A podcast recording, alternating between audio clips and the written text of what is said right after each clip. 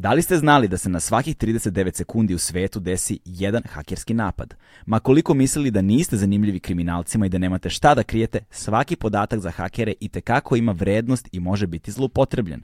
Da se to ne bi desilo, naši partneri na audio platformama A1 Srbija pozivaju vas da posetite stranicu Kutak za bezbedan net i prođete edukativne kurseve o bezbednosti na internetu. Legend Worldwide je domaći modni brend prepoznatljiv po džinsu i stilu, fokusiranom na stvaranje smirenog dizajna sa prizvukom modernog nasuprot bezuslovnom praćenju modnih trendova. A danas imam zadovoljstvo da Uh, posvetim ceo razgovor manje više književnosti, ali na jednom širem, a, a, širem, širem aspektu, tako, zato što kod ovog puta imamo gošću, a, u pitanju je regionalna spisateljica, višestruko nagrađivana, međunarodno priznata, prevođena na puno jezika, koja se ponovo nekako vratila u domen javnosti zbog toga što je njena knjiga dobila preporuku od strane uh, Sare Jessica Parker, poznati kao Carrie Bradshaw iz Seksi grada, takođe je bila nominovana za niz nekih veoma značajnih internacionalnih nagrada. U pitanju je roman koji nosi naziv Uhvati zeca, pored toga govorit ćemo naravno o mlečnim zubima, govorit ćemo još nekim drugim delima, ali ćemo prevashodno govoriti o književnosti, o regionalnoj književnosti, o ženskom glasu u književnosti, o rušenju tradicionalnih i kanonizovanih sistema i šta to znači za napredak našeg društva i na koji način mi možemo da danas da čitamo, iščitavamo i učitavamo stvari. Moja sledeća gosta, gošća sa velikim zadovoljstvom Lana Bastašić. Uživajte.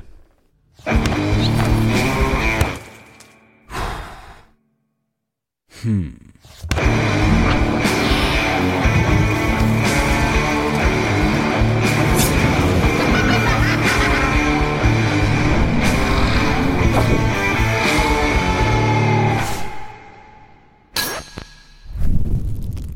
Dakle, uh, uh, viski je piće tvog izbora. Počinjemo s tim. to je odlična prva između rečenica. Ostalog, između ostalog. Zavisi od e, atmosfere i zavisi od društva. Koji viski? A, pa, Jameson. da. Pa, a znaš šta? Jameson je odlična varijanta uh, kao kvalitet i cena. Znači ako si ako si ako nisi ništa popila, kao nula, kao počinjem da, da. pijem i počinjem s viskijem da. od nultog Odradit ću posao. Odradit ću posao da. da. i nećete previše koštati. Da. Ove, ali ja sam ono baš old fashioned u svakom smislu, tako da je to moje go to. Jedno vrijeme je bio white russian. Aha. Ona, onda mi nešto previše mlijeka. ja mleko nisam pio fazon. To je ona čuna rečenica od kako je majka prestala me dojiti. Da. Nisam nikad pio mm. mleko. sad znamo i to. O, da, da, da, da. ovaj, a, a, White Russian sam probao više puta. da li zbog Big Lebovskog ili... Da, da, isključivo da, zbog Big da, Lebovskog. Da. Nisam čuo za to piće pre Big Lebovskog, da. budem iskren. Mada nisam imao mnogo godina da bih čuo dovoljno godina da bih čuo. Dakle, ja sam Big Lebovskog video, dakle, bio je na festu, čini mi se, 97. ili 98. Ne mogu da setim tačno nisam ga na, na festu gledao, ali odmah posle festa u neku, nekoj bioskopskoj predstavi ili tako nešto sam gledao Big Lebowski prvi put i tad sam čuo za White Russian prvi put. Mm -hmm. Ali koliko sam imao tada, 16 godina možda. Da. Tako da, možda i nije. nije naš, 90-ih u kao Srbiji nije baš bilo vreme da, da se čuje, o, da se, da se saznaju za, sazna za takva pića. Da, jeste. Meni je, meni ovaj, zanimljivo kako u tom filmu on kao taj dude, jeli, koji se raspada, pije to jedno piće koje zapravo uopšte nije neko uh, kako da kažem, pretirano muško piće, nego je ono neko mlijekce sa, sa ovaj ukusom kafe, zapravo kao neki Baileys. I onda Tako kad je, sam da. probala, bila sam u fazonu, stvarno ovo pije. e, čekaj, šta beš ide u White Russian? Baileys? Kalua, ne ide Baileys, ide, ide kalua, kalua je liker od kafe. Aha. Uh, vodka? Mlijeko, vodka i mlijeko. Ali mlijeko, mislim, ne mlijeko iz... Mm, ponekad sam ja iz, iz tetra pak ovaj, stavljala. Aha, ne ide to mlijeko. Ali treba, treba da bude kao ono krim. A, dakle, Aha. više imamo mlijeko za kafu. A, I zanimljivo je, kad ne ide mlijeko, onda je black russian, kalua i vodka. Aha. A ako umjesto vodke staviš rum, onda je cuban. A stvarno? Black Cuban i White Cuban, da. Uje, to sad sve počinje polako da zvuči onako malo ra rasistički. Da, naravno, da. Casual rasizam, da. to možemo ga tako nazvati, ali da. se oprašta kao u 90. Da. godinama. Naš, kao da. A Black Russian zvuči kao sci-fi, tako da... Ovaj, da. A pazi, ima, ima neki, sad, to, sad je ovo potpuno random informacija, neki... Um, By the way, ovo nije vatka. Da, ovo samo voda, da. Uh, ovaj, ima, ima ne, imaju, im, čuo sam neke repere, crnce, jel te, ali koji worshipuju Putina. Aha. I pesma se zove um, Hard like Vladimir Putin, tako nešto, zna. I pritom je neki loš trep. Otpjevaj nam malo. Ne mogu. Pazi, oni nisu otpevali dobro. Sam, oni nisu otpevali dobro, a još moja interpretacija lošeg pevanja, možda bi to bilo bolje u stvari. Znaš, možda bi to lo, manje loše zvučalo. Sad mi je izazov do kraja emisije da pokušam da natjeram Galiba da zapijemo. ne, to se neće desiti. se desiti. To se, to Challenge accepted. E, to, to, se, to se neće desiti. Ovaj, čist viski ili... Pa, kako kad. A, dobro. Da. Dobro. Ja ne mogu da ga mešam ni sa čim, volim samo čist viski da pijem. Da. da. Ako je dobar viski, onda čist, mislim. To. Da. A, ah, kako si? Dobro sam, baš smo ovaj, prije nego što smo počeli da snimamo ovaj, prokomentarisala sam kako niko, niko nikada iskreno ne odgovara na to pitanje. Evo ja te sad da. pitam da. i ti iskreno odgovorim na to I pitanje. sad počnem da se jadam. Slamo Tri da ja. Ne, dobro sam, stvarno sam dobro. Ovaj, ne mogu da se žalim. Ti? Na, ja sam uh, odlično, malo sam umoran. Ovaj, dali smo malo jači gas sa poslom u poslednje vreme i onda kad ukup kombinuješ ono porodica, dete, posao, gomila kombinacija sa strane, još ako hoćeš da ubaciš neke aktivnosti za sebe, uh, dano 24 sata, 23 sata obaveza, znaš, mm. i onda mm. oduzimaš od sna i onda se Što ulaziš, je najgora stvar da, da i ulaziš mm. u hronično stanje umora i onda, ali mm. kao, nemam, stvarno nemam zbog čega se žalim, sve je da kucnem u drvo dobro. Da, uvijek imam neki osjećaj krivice kada ovaj, se žalim ljudima koji imaju dijete kod kuće, koji imaju porodicu, koji imaju mm. neki posao, ovaj, imam osjećaj, ja nemam pravo, pošto nemam ništa od toga. Da.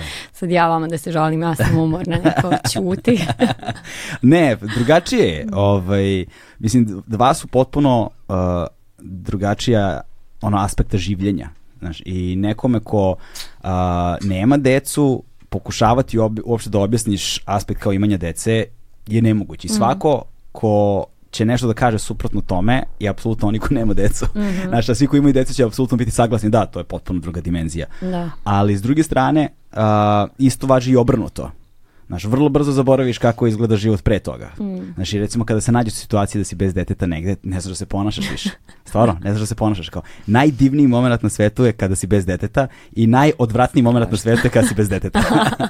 I onda uvek živiš u, toj, mm -hmm. u, mhm. tom, u tom sukobu to sve vreme. Da. Pa mislim, meni ja sam ovaj, e, dosta ovaj, živjela dugo sa bratom i njegovom uh, suprugom uh, kada se njima rodilo prvo dijete i onda sam mogla iz prve ruke da im kako to izgleda. Hmm. Jer sam živjela tamo, tamo je bila neka beba. Da.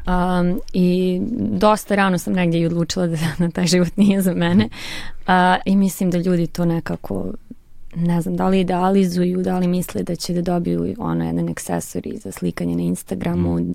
ta ideja da, da ćeš i dalje moći da se baviš nekim svojim ovaj, glupostima i prosto mislim da ima nas koji možda zato što smo svjesni šta je to, mm -hmm. možemo da kažemo mislim da nisam baš najbolja osoba za to to je sve ali... ono stvar individualnog da. izbora, ali ali u pravu si kada to kažeš. Um, evo baš smo mislim da smo juče kom komentarisali ovaj postoji nešto što se nabacuje kao društvena norma i imaš taj društveni pritisak veliki. O, da. I s jedne strane... A, i, Biološki sad. Da, a, a, da posebno kada su žene... taj sad. Evo ga ovdje kao da. Ovaj, ali posebno uh, kada su žene u pitanju. To mm. je ono... O, da to je jedan novi nivo. Mm. Ovaj, vrši se pritisak i na muškarca, ali na žene mislim da je značajno veći. Mm -hmm. ovaj, to je jedna strana i onda imaš veliki broj ljudi koji ovaj, popuštaju pod tim pritiskom i ono Znaš. Ljudi prate obrazac, mislim da je tako da. jednostavniji. Da. To je neka naša mitološka, mitološka struktura koju, koju pratimo. A, meni prosto, nikad mi se u životu nije desilo da sam rekla ne želim da imam djecu uh, u bilo kakvom, na primjer, kod ginekologa ili negdje drugdje da neko nije rekao pa možda ćeš da se predomisliš, broj jedan ili nisi još uvijek upoznala pravog, znači moja ideja majčinstva gore, mora da se vezuje za nekog muškarca, ovaj, bit će ti žao i tako dalje. I mislim da bi bilo mnogo bolje kada bismo s jednom kom odgovornošću razgovarali s ljudima koji žele djecu. Mm. Da ih pitamo da li si siguran, da li možeš to da izneseš, da li znaš što, šta to podrazumijeva. Ovaj, niko ne pita da ja da imam 19 godina i da odem kod ginekologa i da kažem želim da budem majka, niko me ne bi pitao. Da, da. U kakvoj si situaciji, imaš li novca, da li imaš podršku, s kim si, nego kao ajmo. Ovaj, tako da sam se susretala s tim nekim ovaj, osuđivanjima. Uh, pritom ja njih ne osuđujem jer znamo dakle to dolazi. Da. To, je ta, to je snaga obrasta mm. koji su oko nas. Jeste, sad se sad... Šta kažeš? Najgore kad dobiješ dete, Aha. da te pitaju A drugo? Da, da, kad ćeš drugo. Pa zato što uvijek imamo i kao, kao neka igrica gdje imaš levele, imaš ono nivoe. Ideja da ti ćeš da iskočiš iz žanra, da iskočiš iz igrice i radiš nešto drugo, e, ne sviđa im se zato što onda dovodi u pitanje čitav njihov obrazac. Mm, da, A, da, znaš, da. jer onda i oni treba da se prispituju da li ovo nešto sam ja iskreno htio, jer ja zaista imam prijateljice koji su stvarno htjele da budu majke i to im je bila iskrena želja. Da li je to nešto sam iskreno htio ili prosto nešto što se eto podrazumijevalo. Da, da. I ne da. želi da se to zapitaju i onda ljudi kao ja su problematični jer čine da se zapitaju. E, ali ovaj, veoma si lepo primetila taj aspekt ovaj, da pitanja koje tebi postavljaju ovaj, kada se odlučiš da nećeš u odnosu na, na ne postavljanje pitanja onima koji se odluče da hoće, a, jer se ispostavi kada jednom jel te, dobiješ dete i kada dete dovoljno odraste da počinjete da kreirate nekakve sada socijalne odnose van ono tog kao kako se to zove uh, e, nukleusa, nukleusa da, porodice, da, jel te? Ovaj onda počneš da primećuješ na koji način ljudi tretiraju tu decu. Da. Znaš, i onda vidiš, aj sada da ne idemo u nikakve, ni u kakve ekstreme, ali ono što mm. najčešće vidiš jeste a, ono izmišljanje tone obaveza da bi dete negde bilo, da bi smo da. mi bili malo slobodni. Da, da, da. Onda, Problem koji treba da se nekako... Pa da, da. onda tona projekcija mm -hmm. sobstvenih neuspeha mm -hmm. na dete, to je to je tragično koliko mm. toga ima. Ovaj, teško je obuhvatiti mislima zapravo koliko je to veliki problem.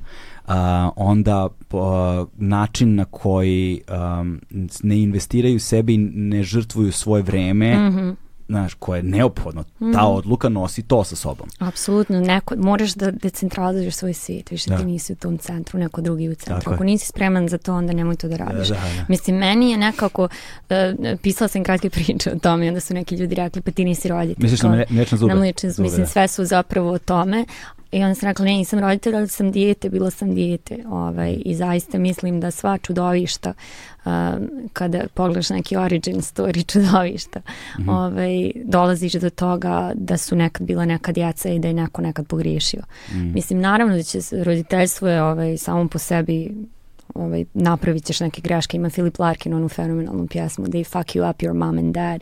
They may not mean to, but they do. They fill you with the faults they had and add some extra just for you. znači, ovaj, tata i mama će te sjebati, ono, da. htjeli ili ne htjeli. Samo je pitanje na koji način ćeš. Ovaj, u kojoj meri, u, u kojoj, kojoj meri. Da. Jeste, da. u kojoj meri. Ali, ali to mi ovaj, nekako me baš uh, fascinira na koji, kako ljudi olako to shvataju. Uh, I tu mi je dosta, ovaj, bila je ta knjiga Georgija Gospodinova, bila sam toliko srećna, sasvim slučajno sam ga upoznala u Leipcigu, neki čovjek je sjeo pored mene na književnom festivalu, pitao me da li želim pivo i neko mi je šapnuo, to je Georgij Gospodinov, ja sam onako rekla, onako brisnula sam, ovaj, ali on ima u svojoj knjizi priča o Minotauru, -hmm. Ali Minotaur ne kao čudovište koje mi znamo iz mitologije, nego Minotaur kao napušteno dijete, jer Minotaura je majka zapravo napustila mm. i bacili su ga u lavirint kao dijete. I onda kao naravno da će onda odraste u to čudovište koje sad da. kasnije nastaje kao postaje ali problem i sad treba da ga se riješimo. Tako da to je to. Da, ovaj, zanimljivo. Uh, Georgi Gospodinova uh, ne mogu reći da sam veliki fan. I, uh, čitao fiziku tuge? Uh, metafi, metafizika ili fizika tuge? Fizika, fizika tuge. da, to sam probao da čitam. Da. Nešto mi nije leglo, suviše postmoderno, suviše da. postmoderno za moj ukus. Ovaj nekoliko puta sam ovaj probao i nešto mi nije mi, ne znam, ano. nije nije me uhvatio, znači ako me uhvati prvih 50 60 strana da, nekako da. Da. da probaću ponovo, evo da. sad kad ti kažeš probaću ponovo, mada sa više strana su mi ljudi govorili da. kao e, kao moraš gospodinova, moraš pa gospodinova. Pa mislim narativ kao takav je dosta razuđen mm. i treba da se hvataš u različitom vremenu različitih eh, pripadnika te porodice, različitih priča, ali na kraju kada sve to, kada završiš to putovanje, onda imaš tu neku ideju, mm. ovaj, a, te neke genetike tuge zapravo, kako se da. tuga da. prenosi. A naravno ja kad govorim da nešto ima fizika u nas. da, znači, tako si došla do njega? ne, ovaj, bilo, je, bilo je sasvim slučajno. Ovaj, bila sam na rezidenciji u Sarajevu i vidjela sam njegovu knjigu na polici ovaj, i ono, kad sam, zapravo da, kad sam vidjela fizika tuge, bi, to mi je bilo ovaj, odličan naslov. Da a i mene takođe zanima kako se tuga prenosi i koja je njena neka mehanika i kako tuga može da bude kao dio genetike u nekoj porodici, pogotovo ovdje kod nas gdje mm. postoji trauma gotovo u svakoj generaciji. Ha. Ove, ovaj, I kako se, kako se prenosi, to mi je bilo zanimljivo. Pazi, otvorila si sjase tema, o, ali, da. ali ova sa traumama u generaciji, ali kad si rekla u gotovo svakoj, a baš smo isto skoro pričali o tome, uh, ovaj, nije u gotovo svakoj, u svakoj. U svakoj. U svakoj, u svakoj živoj to jest. Da, dakle, da. ako uzmemo najstarije žive, to je od drugog da. svjetskog rata negde, ovaj, pa na ovamo, mm. uh, to su generacijske traume koje nikada nisu adresirane. Mm. Dobro, zavisi i od podnemlja, pošto sam bila šest mjeseci živjela u Cirihu i ovaj, vidjela kako izgleda društvo, ono kraj istorije. Da, da, da. Doslovno kraj istorije. Naravno, neutralnosti za koje stoji veliko licemjerje. Uh, ovaj, neutralnost e, je, neutralan je onaj ko može da plati neutralnost. Da, da. Ovaj, I jako je korisno kad Hitleru treba banka. da Jeste, zna se gde su nacisti držali zlato. Zna se gde su držali zlato i mislim da prodali zapravo zlato, čak i ono zloglasno Melmerovo zlato, zlato holokausta su prodali Švicarskoj narodnoj banci. Ovaj, ali sam vidjela kako izgledaju ljudi koji nisu eto, imali to iskustvo rata ta, to neko rubno iskustvo koji nisu bili u kontaktu s istorijom mm. dugo. Da. A, I onda vidiš da, da je to potpuno od, ne, samo ka, traume neke duboke, nego način na koji čovjek prelazi u ulicu. Način na koji čovjek čeka na semaforu, način na koji se čovjek ophodi u javnom prevozu. Ja mislim da sve to ima veze s tim. Do toga da su ono njihovi labudovi i galebovi. Ha, ove, ovaj, izrazito kulturni sad zvuči čudno, ali zaista u Barceloni meni su konstantno galebovi ono krali sandviče, pravili haos. Da, koliko, da, mislim, koliko ti je puta gale bukro sandvič? Um, ha, to je taj humor koji svi volimo i cijenimo. ovaj, da, da, krali su svašta, ovaj, a u Cirihu, znači, sjedim tamo na trgu, ručam, galib koji, mali galib koji prilazi i koji čeka. Mali, ne jedu puno. ne, ne, ne, ne. Tako da, ovaj, znaš, poč, počela sam da razmišljam, ovaj, to sam pisala, kako se taluži fašizam, u koje sve sfere društva nekako se provlači kao genetski materijal se nastavlja i onda se vidi to, vidi se u, u možda ne baš u pticama, možda to ovaj, pretjerujem, ali, ali u svemu, u, bukvalno u tome kako je počišana trava u nekom gradu, kako se neko ponaša za volanom i, i da, da, da, da sve. to je ovaj, ali sve te stvari naravno menjaju se kroz vreme sad evo kao, uh, kao 13. minut kao pomenuli smo ali već fašizam. ali vreme nećemo do, još. Do, ne, nećemo još do konca. Do Sinoć kon... sam smarala drugarice. Ali, do, ovaj. kon, do kon, konteksta vremena da. ćemo da. stići svakako ne sumnjam, ali otvorili smo pri, priče o istoriji, o identitetu, o, o graničnim jel te, društvima, što je vrlo zanimljiva situacija. Otvorila si teme o rezidencijama, otvorila si naš puno tema, sad samo treba negde mentalnu mapu da napravimo ovo kretanja pa ćemo polako... To je tvoj da posao. Tako je, da. Ovaj, ali zanimljivo je, znaš, to kad kažeš način, možda se ne ogleda baš u galebovima, kako ti kažeš, ali, ali jeste činjenica da šta god da se dešava ne, ne postoji uh, samostalno i neovisno od svega ostalog. Tako da ono ono funkcioniše kao element u određenom sistemu, u nekom ekosistemu. Absolutno. I onda se taj ekosistem u odnosu na te elemente adaptira, mm. transformiše nekakvu metamorfozu, jel ja. te da. doživljava. I, ovaj, I onda možeš, ukoliko imaš dovoljno pronicljivo o, oko da primetiš te stvari u različitim aspektima. Ono što tome se onoliko pisalo i piše se i dalje i negde jeste jedna osnovna funkcija književnosti upravo ono, zapažanje takve stvarnosti. Da, da. Ovaj, Cirih nam je on da možda u tom slučaju dosta dobra početna tačka jer je pomenula i mlečne zube, pomenuli smo to detinstvo, tu, tu mi se odmah uključila lampica na način na koji ti zapravo negde obsesivno se baviš tom temom a, detinstva i tog odrastanja u tom najstari u tom na, najranijem periodu a, kada se formiraju zapravo prvobitne vršničke grupe mm -hmm. naš I, ovaj, I onda ima te neke, tih nekih juxtapozicija zapravo u tvojim proznim slikama prevashodno, a, koje, koje, koje u kombinaciji zajedno daju nekakav groteskni moment, ovaj, koji onda o, po, kao, kao putoka zapravo a, usmerava se ka te, na te neke neuralgične tačke mm -hmm u odrastanju i onda recimo kada se uzmu, uzmu priče iz mlečnih zuba na primer i onda ih staviš recimo paralelno ih posmatraš sa scenom na primer iz Zeca, ne znam da je mi knjiga sad negde nestala, otišao Zec, ovaj, kada ih staviš ne nužno sa Zecom ali na primer ona scena sa ptičicom, sa vrapcem, da, znaš, da, ta, da. ta scena je ono znaš, ne možeš da ih ne da, čitaš da, da paralelno. Apsolutno. Znaš, prosto mm. postoji jasna veza među njima i onda bih volao da mm -hmm. govorimo o tim stvarima, ali da bismo počeli od njih, nek počnemo sad, sad kada već je tu Cirih, ovaj, da pomenemo tvoju nominaciju, jer to, mi je, to nisam znao. Znaš, kada, kada smo pomenuli, kada smo se videli, kada smo pričali o um, kada, kada smo pomenuli Zeca, moje pitanje je ono, kad neko čita pažljivo, a, sve što vidiš u knjizi trebalo bi da tu s razlogom. Znaš, i onda, da. hm, ok, a, zašto se frajer zove Michael? Znaš, da li to ima neko značenje ili nema? Hm. Da. Zašto je baš u Dublinu? Da. Znaš, kad se pomene Dublin, znači mm -hmm. u mhm. bilo kom književnom kontekstu od onog ranog 20. veka na ovamo, prva asocijacija uvek mora da bude Joyce. Znači, jednostavno, jednostavno, jednostavno ne postoji opcija da ne bude. Absolutno, da. I, ovaj, a nagrada je Odnosno nominacija je? Da, nominacija je bila za e, Međunarodnu Dublinsku književnu nagradu. Da. Eto vidiš I, to. I nekako se krug e, fino, fino. Da. Zutru. I onda se moje prvo pitanje bilo ovaj, da li si kao živjela u Dublinu i da li je da li je nominacija stigla zato što i da li je imalo veze negde na, sa tim Dublinom, ali onda si mi zapravo rekla da je nominacija došla iz Švajcarske. A1 je prvi prijatelj audio izdanja Agelast podcasta. Jeste, da. Biblioteka, univerzitetska biblioteka iz Berna, u kojem ja u tom trenutku nisam bila.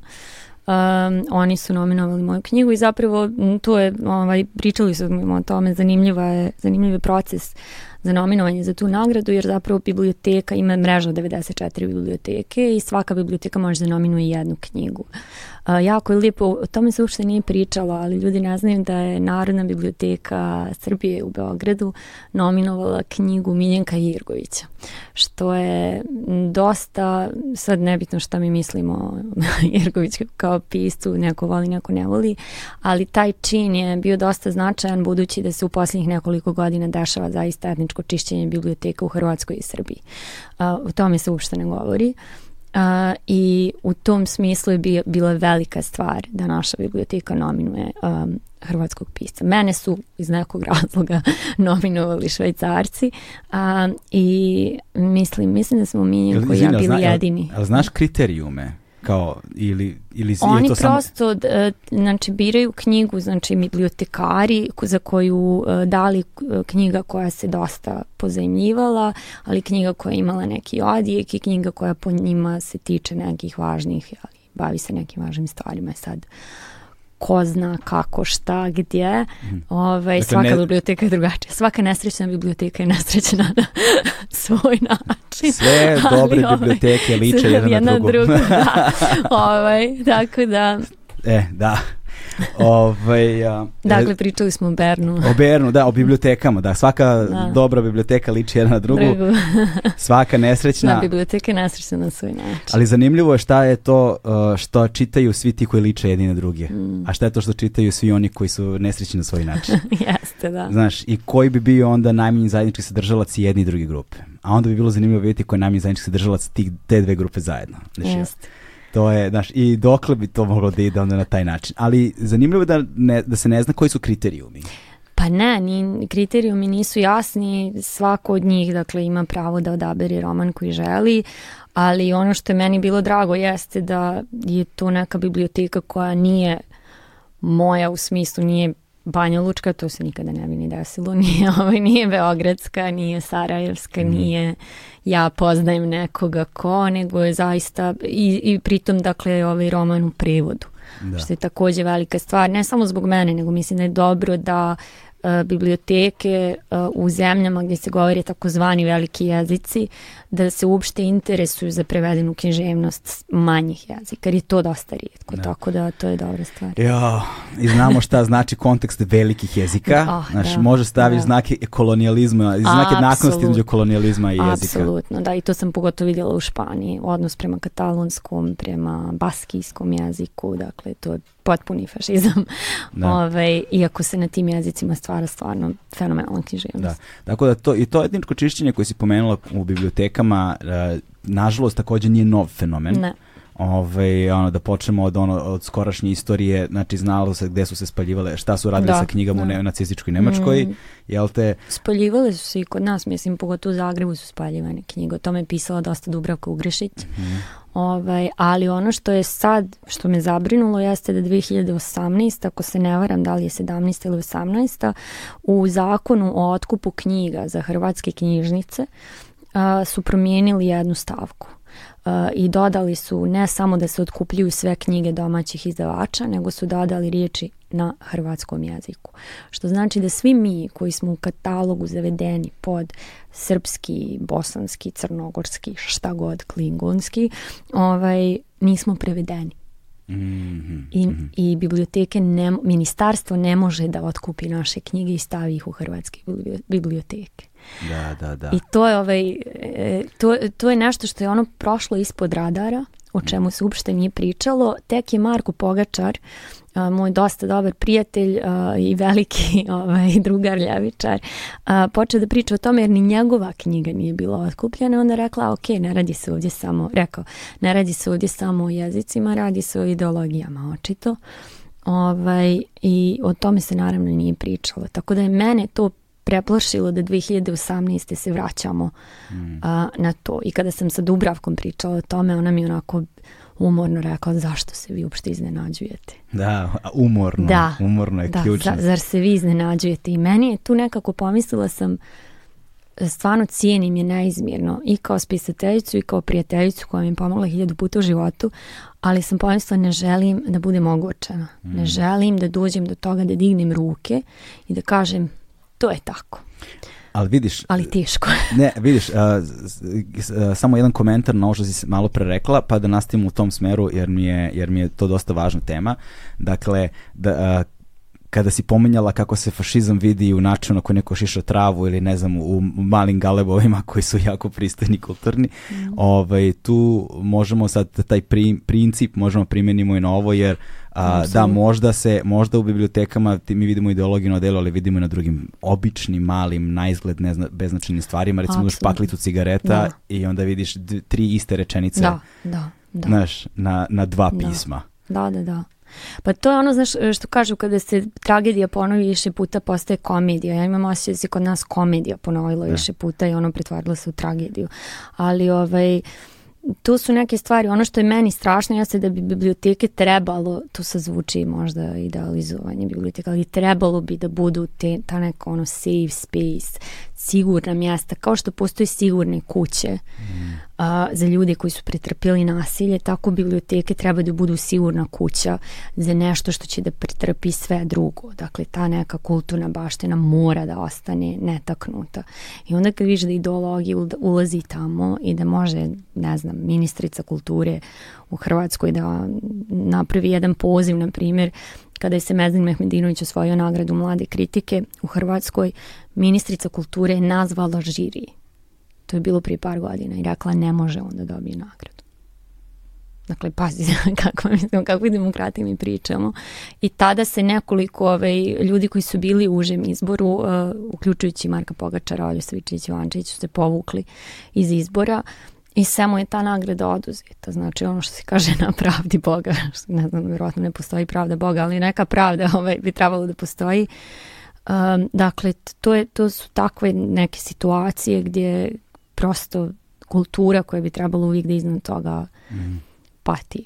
Ali čini mi se da je možda stvar malo drugačija sa Ninovom nagradom.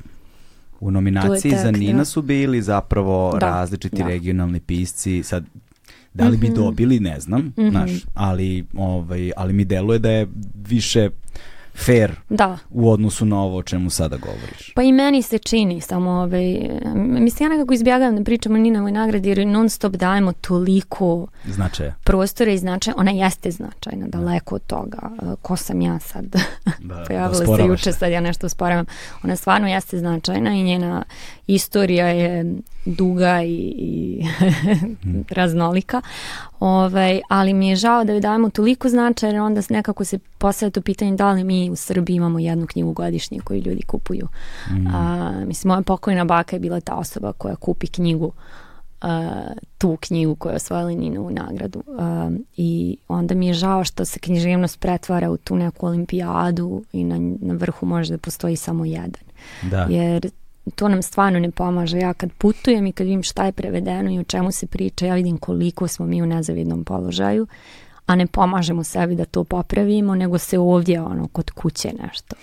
To je jedna od e, velikih, to je jedna od velikih tragedija zapravo naše ajde takozvane književne uh, scene, pritom ne mislim na pisce, ovaj, nego mislim... ne, da, da, ne mislim na pisce, nego mislim na izdavače. Mm -hmm. Znači, mislim na prevode, mislim na izbore, urednike, mhm. mislim na ovaj kvalitet celokupnog tog poslovnog modela, mm. nazovimo ga tako, jer kada vidiš šta se sve objavljuje da, da. u svetu dnevno, nedeljno, mesečno, a šta od toga dolazi ovde, mm -hmm. kako izgleda ono kupovina isključivo bestsellera, mm -hmm. šta pred podrazumeva bestseller uopšte kao kategorija, I, ovaj, I onda taj način ono odabira, jer on, onda to takva jedna banalna, od, takav jedan niz banalnih odluka, da. na izgled, na izgled, kad posmatraš širu sliku, beznačajnih, zapravo utiču na jednu kolektivnu mentalnu higijenu društva. Apsolutno.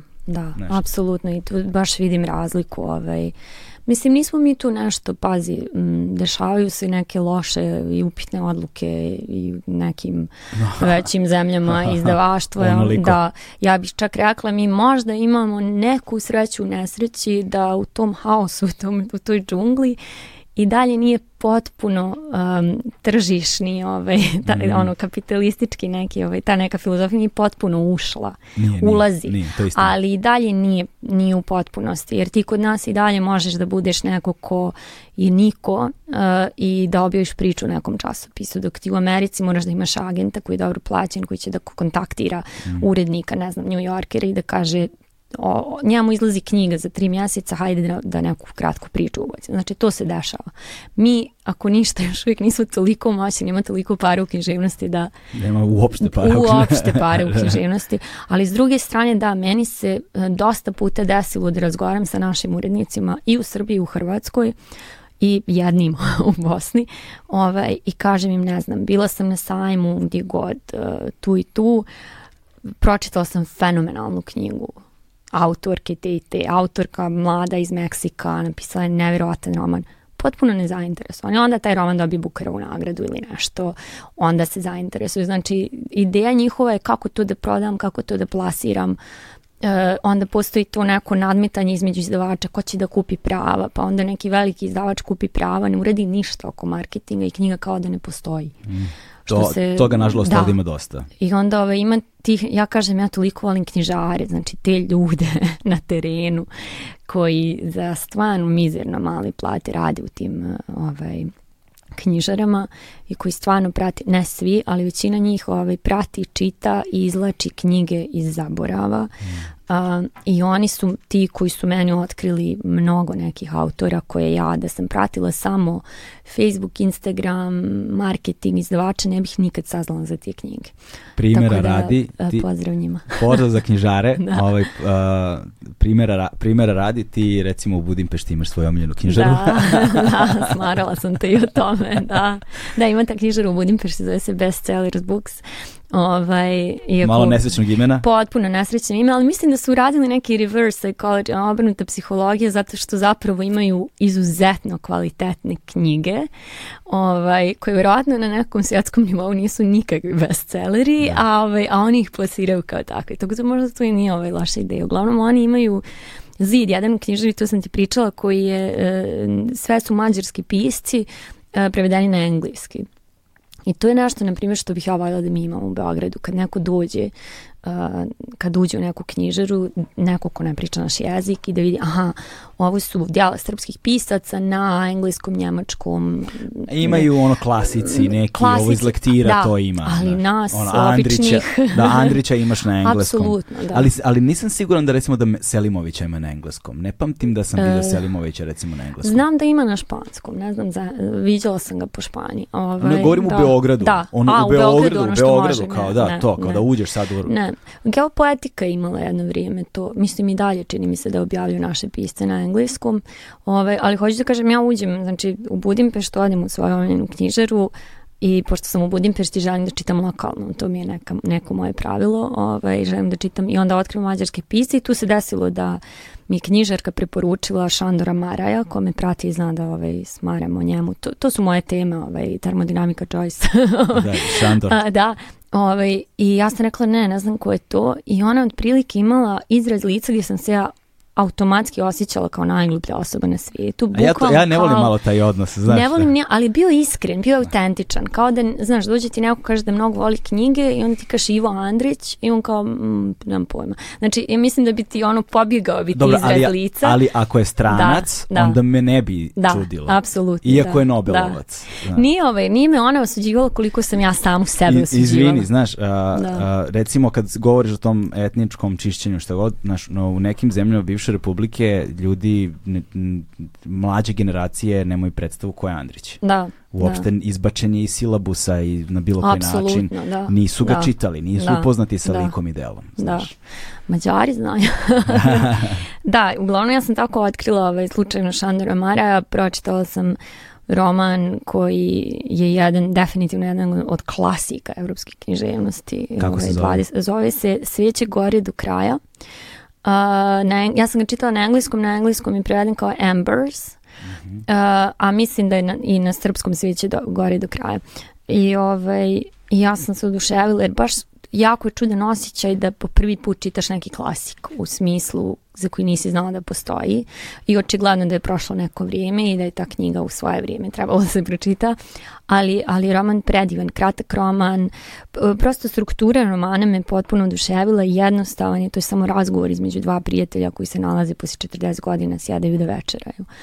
Ove, ovaj, I ja sam mm, potpuno mm, ja, za tim romanom. Ima film jedan koji je po, rađen po tom a, poznati dva prijatelja koji se nalaze nakon velikog, ne znam koliko broja godina i sedi u restoran i ceo film je njih dvojica u restoranu da. razgovaraju. Da, ovo, ovo je zapravo, da, o, e, pa možda, možda, yes. možda inspirisan, ove, oni se nalaze u zamku, jedan je ono stara, austrugarska buržuazija, drugi ne, ovo je, je siroma. Ovo je setup neki New York da, restoran, da. nešto, znaš. Ali je, dosta, dosta je zanimljivo i meni je zanimljivo koliko toga nije rečeno u romanu, ali se osjeti ispod, mm. ispod ovaj, jezika, ne. predivan roman i onda krenem da tražim gdje šta i vidim da je Laguna objavila. Nekad, potpuno znači prošlo ispod radara e, Korica je ja stvarno da, da ne znam ništa o knjizi ne bih nikad uzela dva romana njegova su objavili oba romana imaju tu neku ono turska serija ovaj da, da, da, da. cover I prosto ovaj, niko, ja sam, ja sam knjižarima nekim preporučivala taj roman. Da. Ovaj, I bilo mi je žao, eh, ne, ne radi se tu ono o tome kao I was cool before you, ne, meni je iskreno žao što nismo, što, i zamisli koliko tek ima nekih romana za koje ne znam. Da. Kojima S kog je perioda Šandor? A, pa znači 20. sredina 20. 20. veka, da, da, da, zato što me da. podsjeća ta struktura da kažemo ta, taj, ne, nećemo kažemo minimalizam, ali podsjeća na na, na, na ono što se radilo to sredinom 20. veka od teatra absurda preko mm -hmm. tog postmodernizma koji je bio ono, ali sad ne ovaj u jeziku koji mm -hmm. ali opet i u jeziku, to, to je nekako neodvojivo. Mm -hmm. Odmah, ne znam zašto asocijativno mi je pao na pamet Beckett mm -hmm. sa you know, njegovom krapovom posljednjom trakom. Znaš, da, da, da odmah da, mi je to palo, da, na, odmah mi je to palo na pamet. Ove, ovaj, I onda efekat koji si zapravo mm -hmm. dobijaš, nis, nisam ga nikad gledao uživo, ali sam na YouTube otišao i pogledao mm -hmm. kao... Da, i najbolje zapravo. Da, da, da. na YouTube pogledao kravu posle traku i tad da, shvatiš da, zapravo da taj tekst, kako taj tekst kad doživi na sceni mm -hmm. dobija tu dimenziju koja je mhm. zamišljena. Da, to je ono gdje je Beckett bio bolji od Joyce, iako je Beckett je bio asistent Joyce i to je bio dosta onako smiješne neke situacije gdje je ono što god Joyce pomisli da mu treba Beckett trči ide da to radi, a to je Joyce. I onda Joyce kaže Beckettu um, treba mi spisak svih rijeka u Norveškoj e, u trenutku kad nema jeli, računara, suvišno je da, da. kažemo. I onda Beckett mučenik ide i piše sve zato što on stvarno vidio je Joyce-a i, i, i ono znao je ovo, ako treba za nekog da radim to je Joyce ovaj, ode i ispiše sve te rijeke, onda Joyce koji je polu slijep u tom trenutku kaže pročitaj mi za to naglas, onda Beckett mučenik čita rijeke, onda Joyce ako se nešto, neki zvuk učini da može da se poveže s nečim drugim, što je obično neka, neka psovka ili, ili nešto tako, ako vidi da rije, ime neke rijeku u Norveškoj ovaj, zvuči kao, ne znam, riječ kurva, da. on će to da iskoristi za Finnegan udenje. Međutim, Joyce, Joyceova jedina drama Izgranici je drama koja je drama za čitanje. Nije mm, drama da, za izvođenje. Yes. Da, tu je Beckett zapravo ovaj, uspio ono što Joyce mm. nije.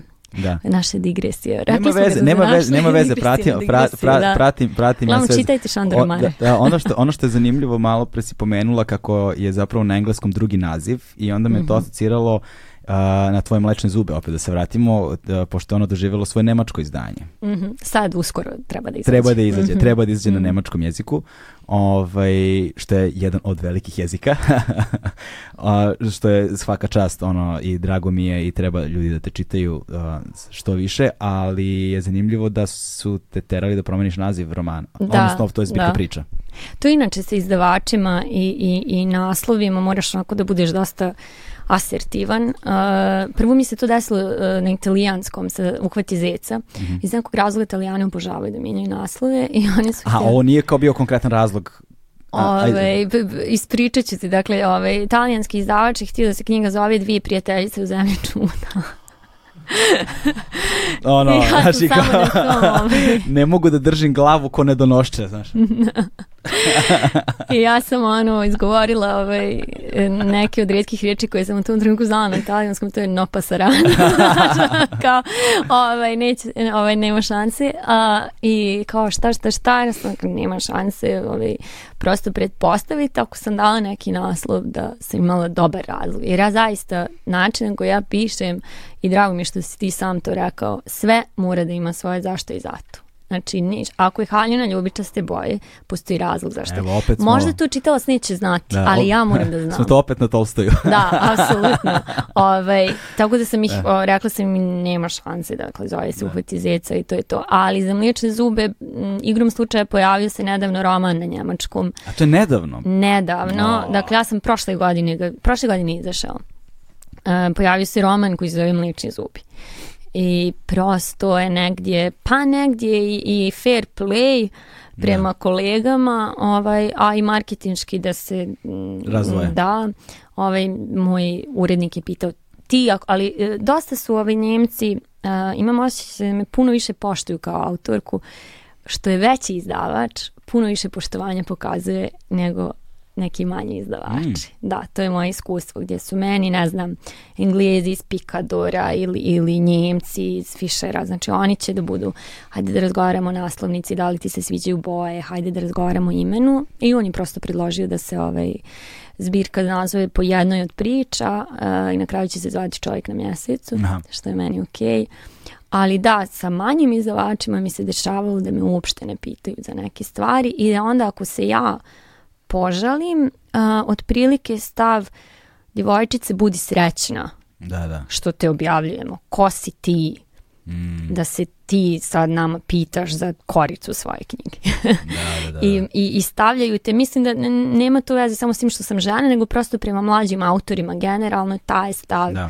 ovaj, budi srećan što smo te uopšte objavili. Da, književnost ima nažalost... Uh kao još tako neke druge stvari u životu, poput, na primjer, ne znam, dobro, da sada ne poredim, ali književnost ima tu uh, nesreću da s jedne strane se smatra umetnošću trećeg životnog doba, mm. za početak, i onda uh, ukoliko si mlada osoba u svetu književnosti, to je, ono, Znači, A mlaci do 50. u svijetu. Pa, u, u svetu, pa to, tre, umetnost trećeg života, mm. znači do 50. minimum si mlad ili mlada, Ovaj, to, je jedna, to je jedna strana. Druga strana koja meni strašno smeta kod književnosti, mislim da je u velikoj meri uticala na poziciju književnosti danas, ne samo lokalno, nego i u svetu, to je taj akademski elitizam. A, apsolutno. Znači, akademski mhm. elitizam mm. je ono, to je, da. to je, to je takva muka, generalno mm. u mhm. svetu umetnosti, ali mislim da u književnosti i pozorištu Jeste Jeste. Nerealno, ne, ali ima ta jedna koja je to da li Rousseau ili ne znam ko već rekao, kaže, ali jedino mrtvo pozorište je autistično pozorište. Znaš, da, da, tako da, da, da, da, mora da a se adresira, da, da, mora da se obraća čovjeku. Ob... To je T.S. Eliot, ove, ovaj, pošto ja mnogo volim moderniste,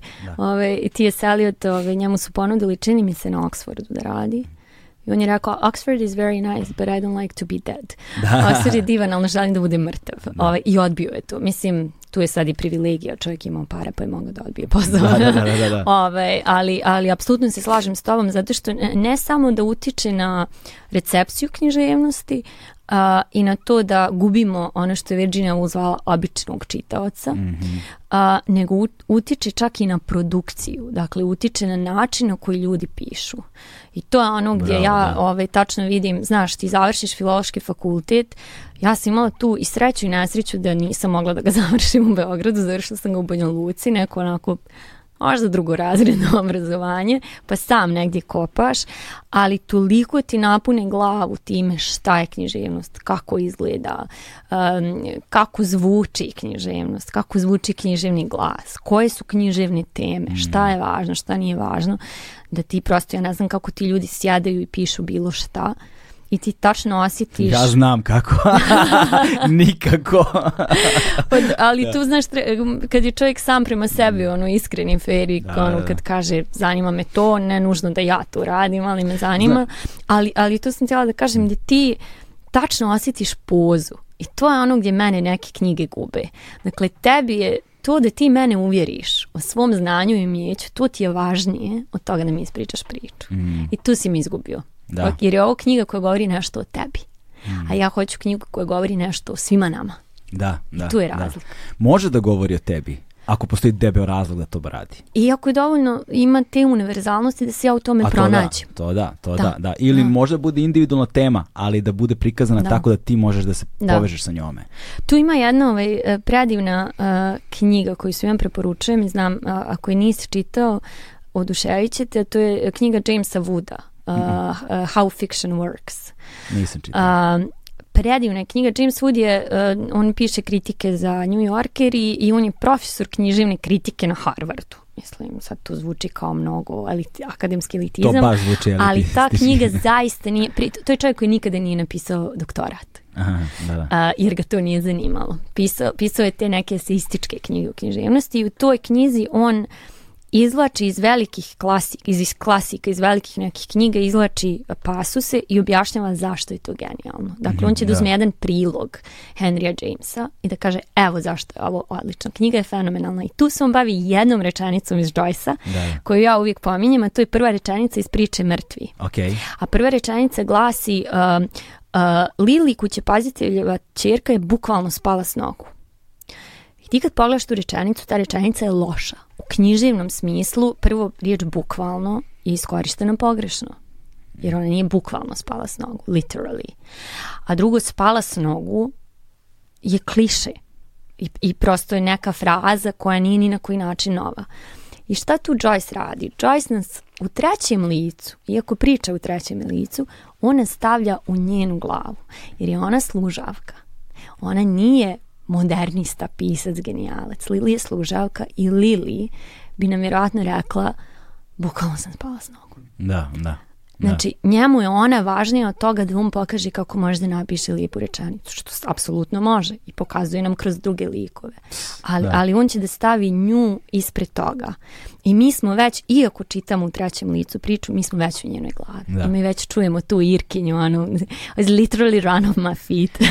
da, sad tu postavljamo nekoliko stvari pod ono, pretnjom da uđemo, postanemo previše ono tehnički, da. te, pre, pre, previše, pre, ne, pre, pre, ne, hoćemo, ali ne, da, samo da ne, ne odemo previše u to. Uh, dakle, tu se sad opostavlja nekoliko nekoliko elemenata koje je važno da negde ljudi razumeju kada govorimo o takvoj rečenici. To ne da. znači da sada ti možeš da sedneš i da, bilo, kažem ti mislim na bilo koga, mm -hmm. jel te, i da, naš ono, bupneš neku rečenicu tek tako. Ne. Kako je to, uh, da li je to ovaj, Sorokin ili ko je već govorio, kaže ovaj, uh, da biste kršili pravila morate prvo da ih naučite. Apsolutno. I da. Joyce je imao tu, zato jeste Joyce, jel te, između ostalog, a, uh, to dakle da je da, da ti imaš autora, njega kao autora, onda imaš njega kao implicitnog autora, mm -hmm. jel A onda taj implicitni autor ima svog pripovedača, ono, mm -hmm. jel mhm. u svetu dela i da je on negde u, kroz svoje stvarala što on kao autor, ne kao implicitni autor, dakle ostvaren u jednoj mhm. velikoj meri i ima tu vrstu samopouzdanja, nema, mm -hmm. nema potrebe. Mm -hmm. S druge strane ima ogroman korpus znanja mm -hmm. koji mu takođe Absolut.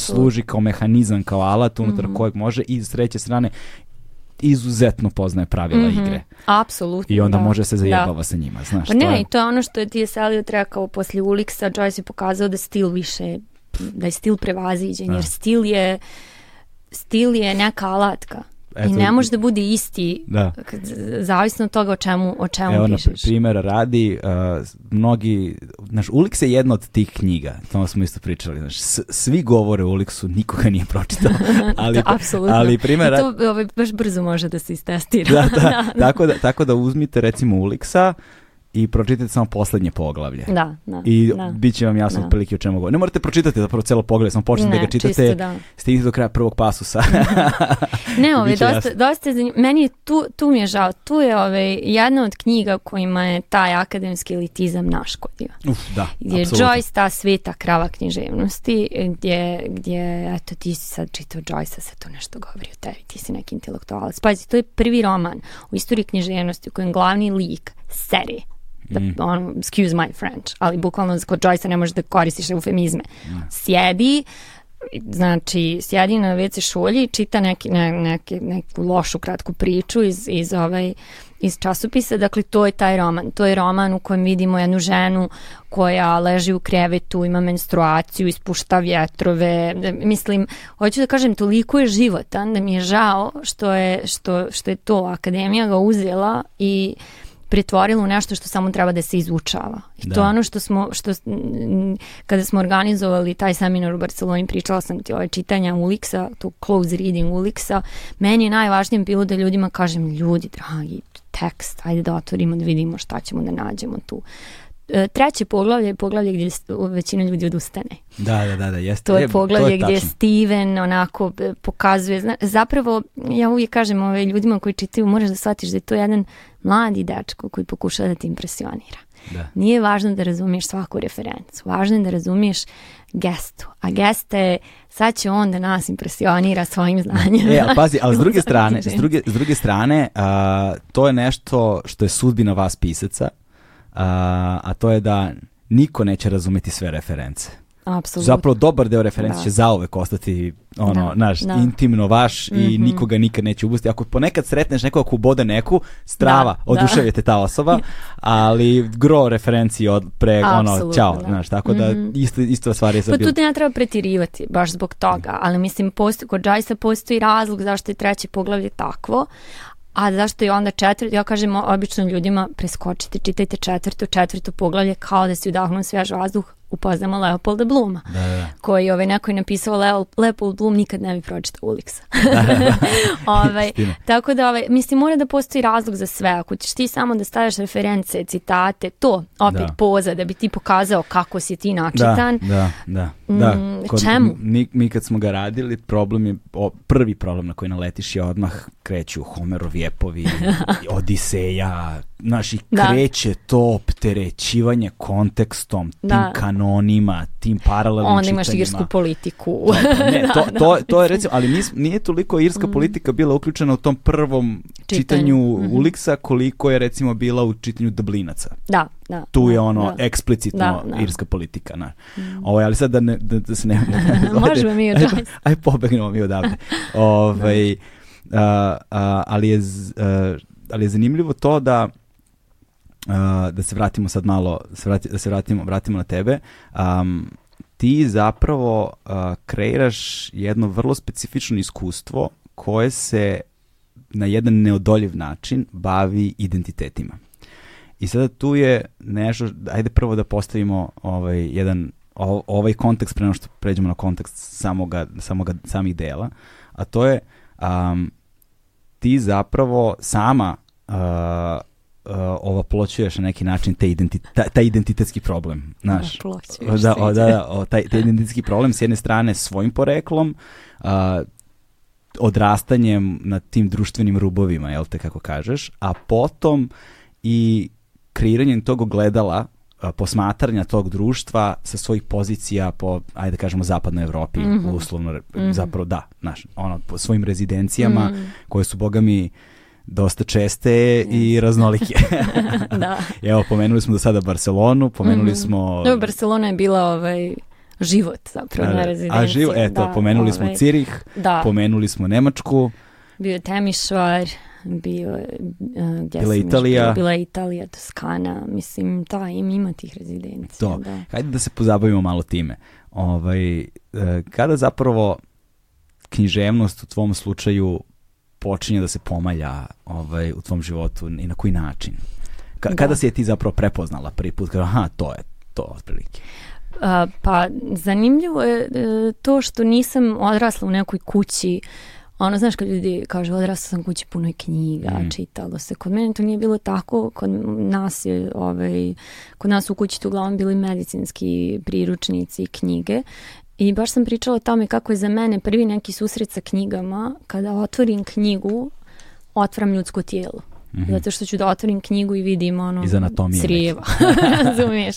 Ili budući da su moji svi stomatolozi osim sestre, ove, ovaj, vidim zube mm. vidim ovaj i onda je to bilo ovaj, šala u mojoj porodici da se napokon ja bavim zubima jer mi se knjiga zove Mliječni zubi ovaj, ali, ali nisam, nisam bila okružena knjigama, baka imala dosta, obe bake su imale dosta knjiga Ovaj, I to su uglavnom bila ona stara izdanja, dječ, ne znam, biblioteka Vjeverica, pa ovaj, sve dječje knjige.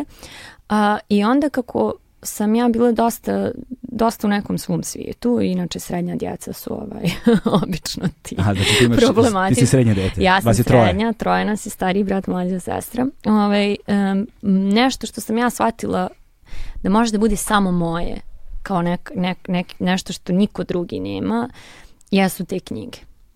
A, pritom to je ono neko dosta patrijarhalno društvo, to je sve više kliše da o tome pričamo, ali zna se uh, ko se bavi sportom, ko ide u lov sa dedom, ko ostaje mm. kod kuće, nekako daju ti već e, neke uloge dosta mm. rano i onda sam ja shvatila da ta književnost može da bude neki prostor koji je dozvoljen djevojčicama, a gdje opet iziskuje neku pamet, iziskuje, znaš, ti nekako kao mali hoćeš da se malo takmičiš, ovaj, s tim. Ima, ima jedan snimak, pošto su moji roditelji ovaj, dosta rano počeli da nas uh, snimaju, zvuči pogrešno, ali ovaj, razumijete što želim da kažem. I sad ovaj, ja sam bila ošišana dosta kratko. Ništa se ne podrazumeva da znaš. Da, ovaj, i, e, svježe ošišana na neku baš kratku frizuru i tata koji me snima i kaže gdje je moj lijepi dječak? I ja ga, imam šest godina, ja ga pogledam i kažem nisam ja lijepi dječak, ja sam pametni dječak. Jer iz nekog razloga, šta se meni tu prespojilo u tom trenutku, uh, vjerojatno ljubomora uh, prema mom bratu, koji je kao to, ono, ide sad, igra sa dedom šah, pa ide s dedom u lova, ja tu ostajem kod kuće. Tu se meni nešto prespojilo, neću da budem samo to.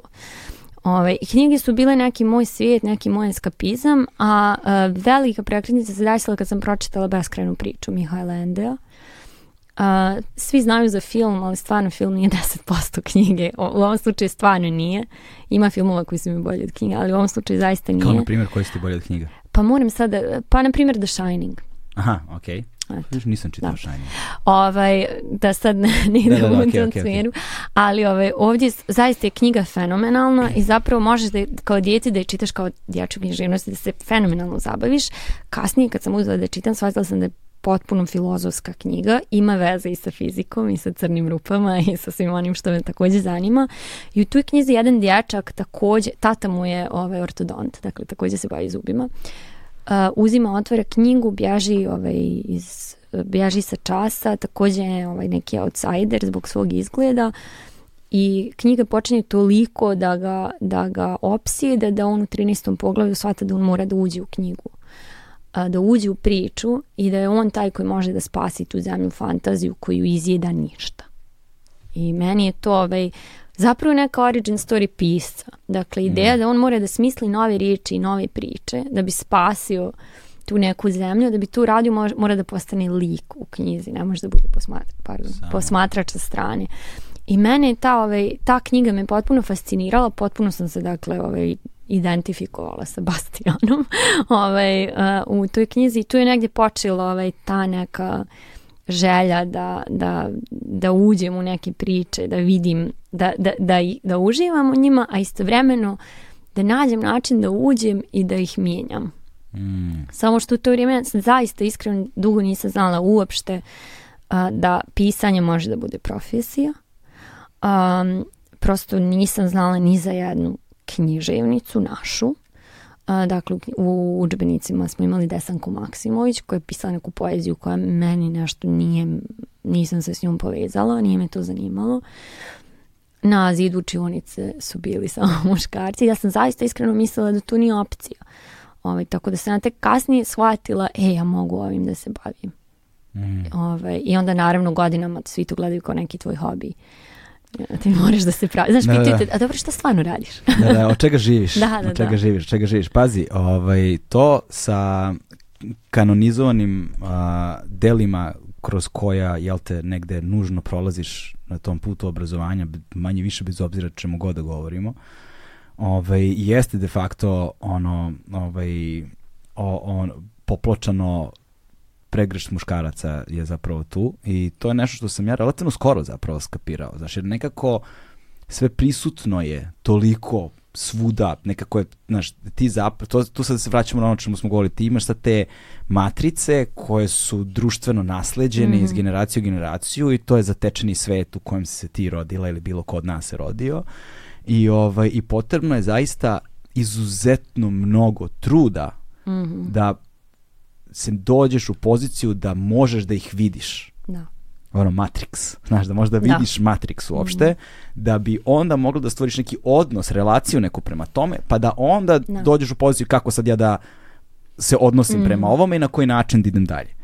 Ovaj, ja sam baš, to je me relativno skoro, zapravo dok, dok te teme nisu poput to, ljudi kao što si ti, mm -hmm. došle uh, do, došle negde u, u, mm -hmm. u mhm. javnost, znači mm -hmm. na, ne, mhm. na neko na, nek, na neke polje javnog dijaloga, na javnog dijaloga, mhm. to i naišao na otpor, te kada naiđeš na otpor, te kada sam naletao na taj otpor, onda sam počeo ja da razmišljam. Mm -hmm. To je bio trenutak kad sam rekao, čekaj, zašto se sad ljudi ovoliko, mm -hmm. znaš, šta je tu, mislim, jebote stvarno, i onda ja uzem, recimo, pogledam šta smo mi od autorki imali mm -hmm. i tipa, ono, uh, ne znam, imali smo uh, poeziju Sapfo ono da. iz Hele, da. Helade kao to, pa sledeće ne znam Mary Shelley, da. ono Frankenstein. Znaš, ti... Koja pričala sam ti u fusnoti u udžbeniku engleske književnosti 2. Mislim, da, to na da, fakultetu da. ali je zanimljivo da na primjer nju možemo feministički da čitamo da, da. potpuno. E tu sad I opet na sve drugi načine, mislim. Tu opet da. dolazimo do implicitnog autora, mm -hmm. tu opet dolazimo do pripovedača, koliko je pripovedač mm -hmm. pouzdan, kako mm -hmm. saznajemo o priči i ko nam priča priču Absolut. o kojoj saznajemo. Da. Pa ti kad shvatiš da je to posredovano pismima, pa da je to, i on si fazonu jebote vidi, znaš, ovo nije slučajno. Mhm. Znaš, ovo je neko nešto pokušavao da sakrije i da maskira, mhm.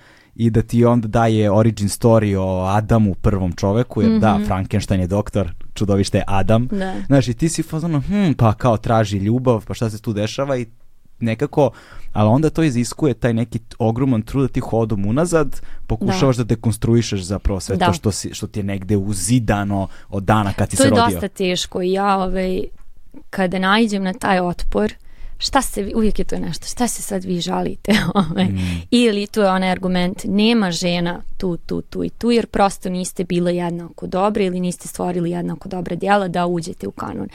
I ono što mene fascinira jeste da ta osoba koja ima taj argument se nikada ne zapita zašto. Tako je. Mm. Kako, jer meni, to mi je kao da mi kažeš, u kanonu književnom nema pisaca sa plavim očima. Jednostavno ne pišu jednako dobro. Da meni neko to kaže, ja bih se prvo zapitala zašto? Da. Koji je odnos između boje očiju? Pa ja bi se, Razumiješ? Ja bih, ja bi, ne, tu, tu Kako bi se vratno... uradiš taj sljedeći korek? Kako da. je moguće da 50% stanovništva iz nekog razloga loše piše? Kako ne možeš da vidiš da tu mora da bude neki kontekst? Mm. I onda se vratiš i vidiš, aha, ko ima pravo na obrazovanje? Počnemo ko je mogao da čita? ko je znao, ko je od naših baka ili prabaka znao da piše, kako je naučio da piše, čime se bavio, ka, kako je provodila vrijeme, jer je morala tako da provodi vrijeme, jer je bila ekonomski e, zavisna. E, dakle, e, činjenica da ti ljudi nisu sposobni da urede taj mm. proces razmišljanja, to je ono što mene poražava. E, ali onda Na. Da. idemo dalje. Znaš, onda idemo dalje. Ono što, de, znaš, sad kao, meni je, na primjer, bilo jednostavno da prihvatim te stvari. Ali ono gde sam ja sebe zatekao, da mi je da, da sad investiram trud da s, uh, svoje mehanizme negde, kao sad ja moram da ukrotim na neki način, jesu teme. Da. Sadržaj.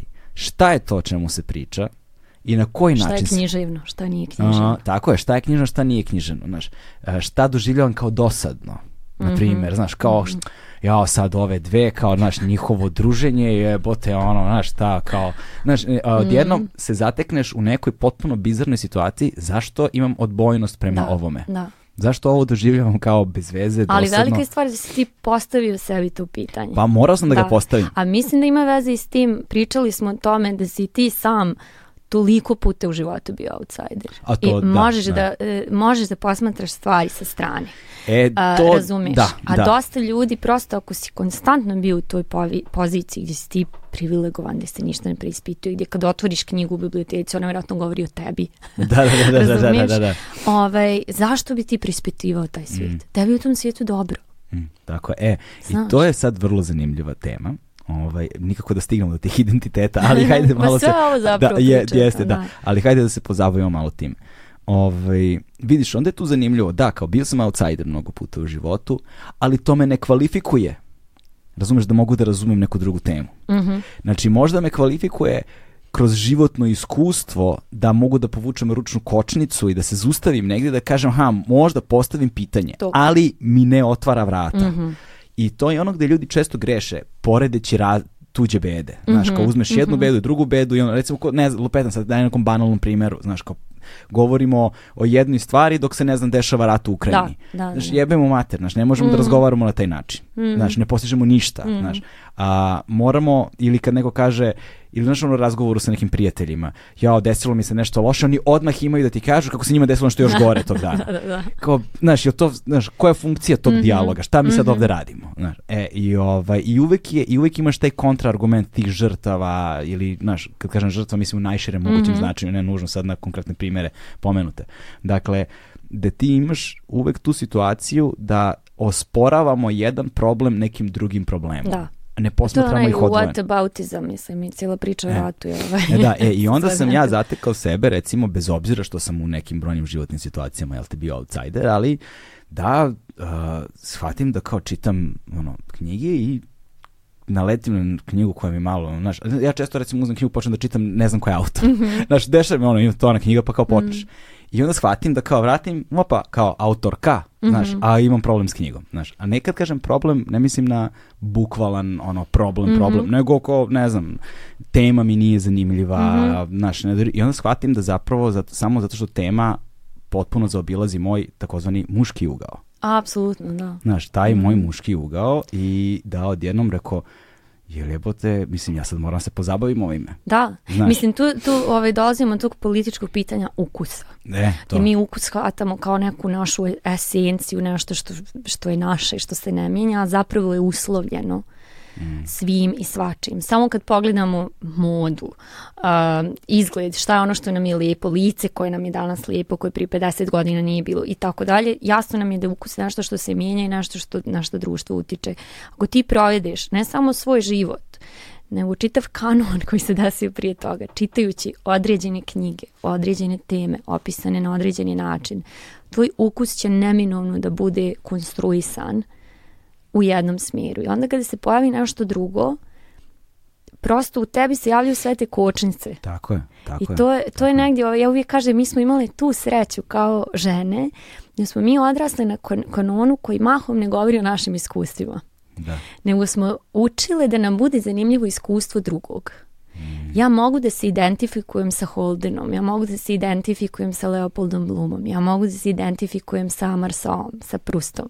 Uh, da, a kako ću ja da se identifikujem da. sa Lejlom i sa Sarom? Da, razumiješ, tu se stvari da. neki otpor, gdje uvijek kao taj um, pomiranje ka muškom je pozitivno, to je neki moj rast, ja sam neka intelektualka jer ja čitam kamija, pomiranje ka ženskom je sramotno a, gdje, znaš... Ne, ne nužno sramotno. Pa u smislu da je umanjujući. Ali da. To je ono što kontekstu. se dešava ako, ako meni neko kaže, pa dobro, zašto moram da kažem spisateljica, ti si pisac, kakve veze ima? Kao pisac zvuči onako prestižnije. Mm.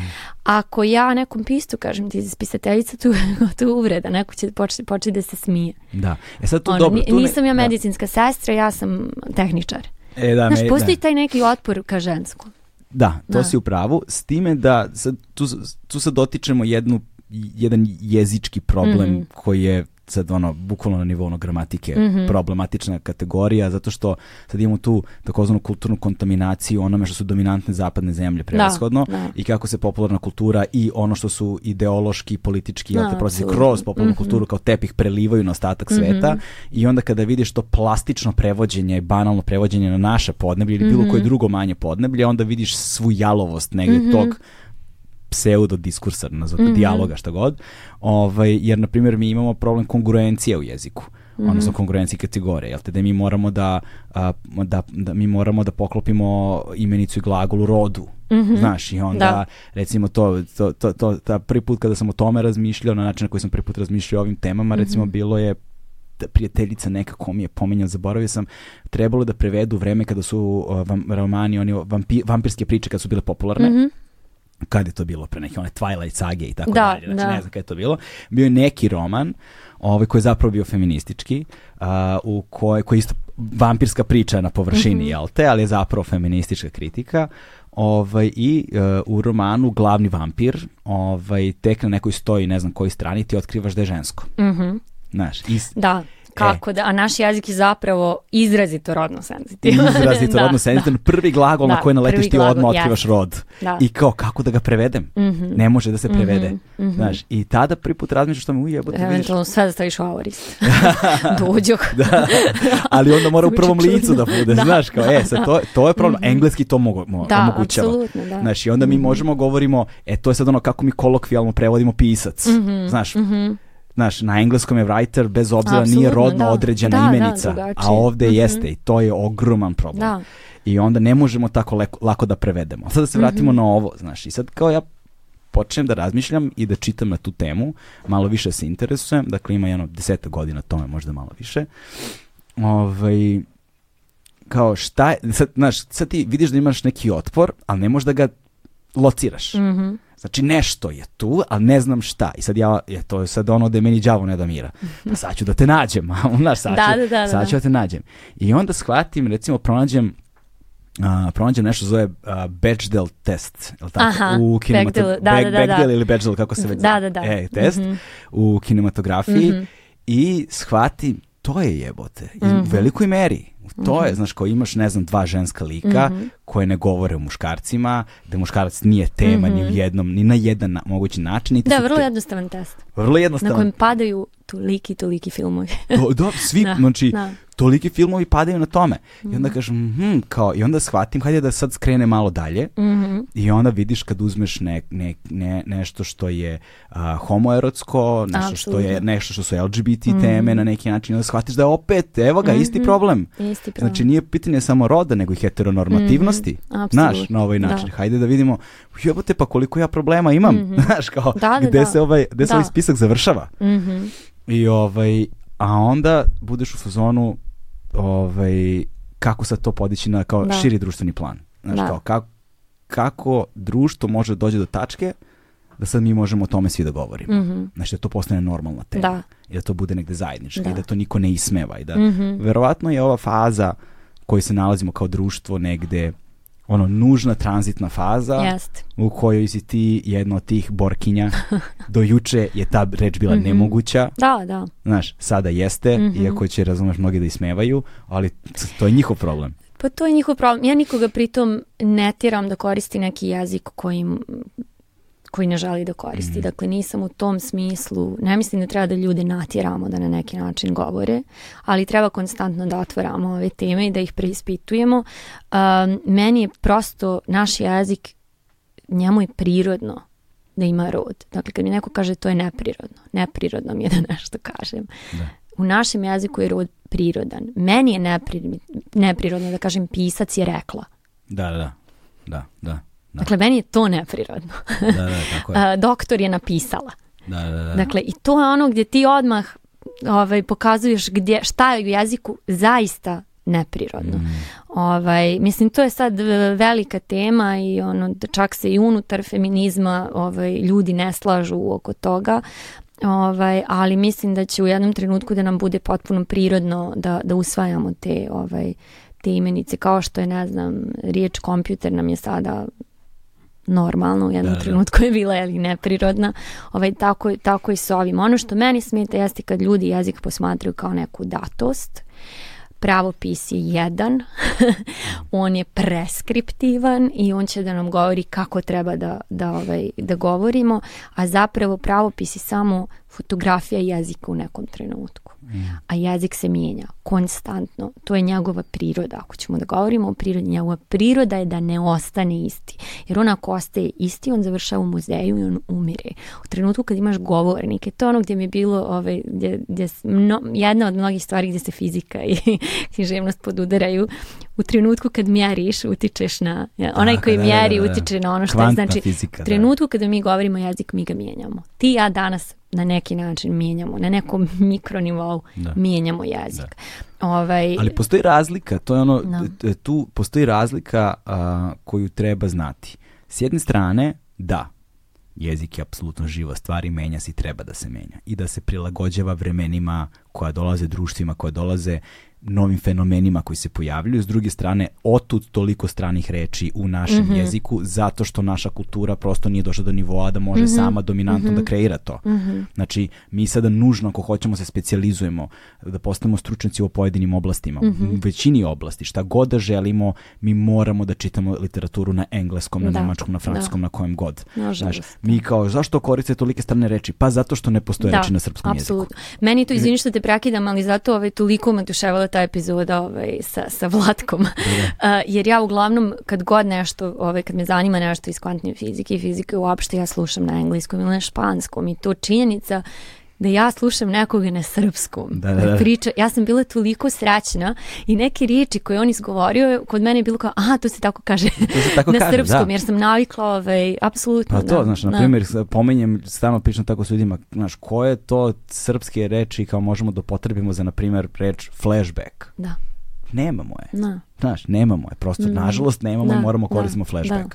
Da, da. Ovaj, I sad, sad, s jedne strane to, S druge strane je, ok, ono što smo govorili, moraš da naučiš pravila da bi mogo da ih kršiš s jedne da, strane. Absolutno. Dakle, razlika između nekoga koji je nepismen mm -hmm. i nekoga koga baš briga, iako mm -hmm. zna. Apsolutno. Znaš, to Slažem je, se u potpunosti. To je ono, da, znaš, i, onda, da. i onda, a mi imamo tendenciju da normatizujemo ovo, dru, ovo prvo. Mm -hmm. Znaš, imamo mhm. tendenciju da normatizujemo ovo prvo i onda dolazimo tako nekih bizarnih uh, uh, bizarnih pojmova u govornom jeziku, mm -hmm. kolokvijalno, koje se kolokvijalno potrebljavaju, koje onda potom ulaze u taj isti mm -hmm Mhm. je književni jezik. Mm -hmm. I onda kad, kada shvatiš da imaš problem sa tim književnim jezikom, onda kada to treba se prevede na drugi. Mm -hmm. Znaš, i onda shvatiš, wow, pa ne kaže se nas, znaš, ne kaže se nas par, nego nas troje, da, dvoje, da, da. nekoliko. Ne, apsolutno, da. Znaš. Ali to je ono gdje, prvi gdje se gubi po, značenje. Da, da prvi, prednji, to, znaš, da, odnosno zadnji, da, posljednji. posljednji za, da, da, apsolutno. Prevedeš na engleski i shvatiš mm -hmm, problem, mm -hmm. znaš, to. Ovaj, pa, pa tu je, ovaj, ja podlačim tu crtu gdje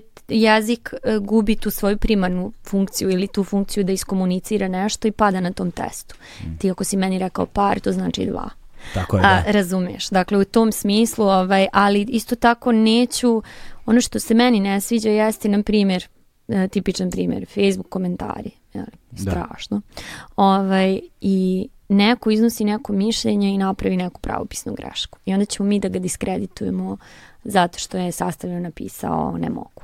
Da, da. To je ono što je meni, ovaj, ne znamo ko je taj čovjek, ne znamo čime se bavi, ne znamo kako je obrazovan, da li je obrazovan, ali to ne znači da nema pravo na neko mišljenje o nečemu. Mm.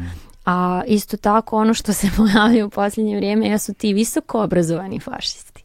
Da, da, da. To je, ja sam to prvo vidjela u Španiji mhm. prije nego što ovaj se raširilo gdje je tebi desničar postaje neko koji je završio Harvard Uh, i vraća se u Španiju naj, najljepšem ovaj odijelu, čak onako cool, hipsterski izgleda, ali sluša odličnu muziku, to, mm. to je ono gdje kao, to je... zar je to moguće?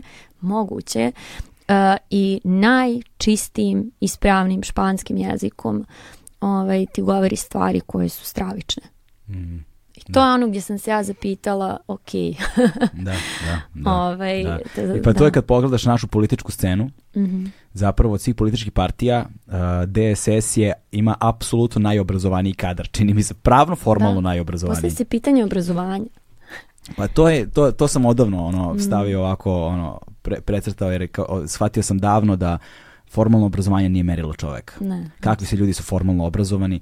Formalno obrazovanje u velikoj meri um, i stvar niza faktora mm -hmm. ovaj, koji treba da se poklope da bi mm -hmm. ti, naš, od, a, počnemo od Harvarda, na primjer, takve da, stvari, tu da, govorimo absolutno. o jednoj klasnoj privilegiji, apsolutno. Apsolutno klasno i obrazovanje generalno postaje klasna privilegija. Apsolutno, mislim, čini mi se da negdje od uvek bilo. Da, da. Naš.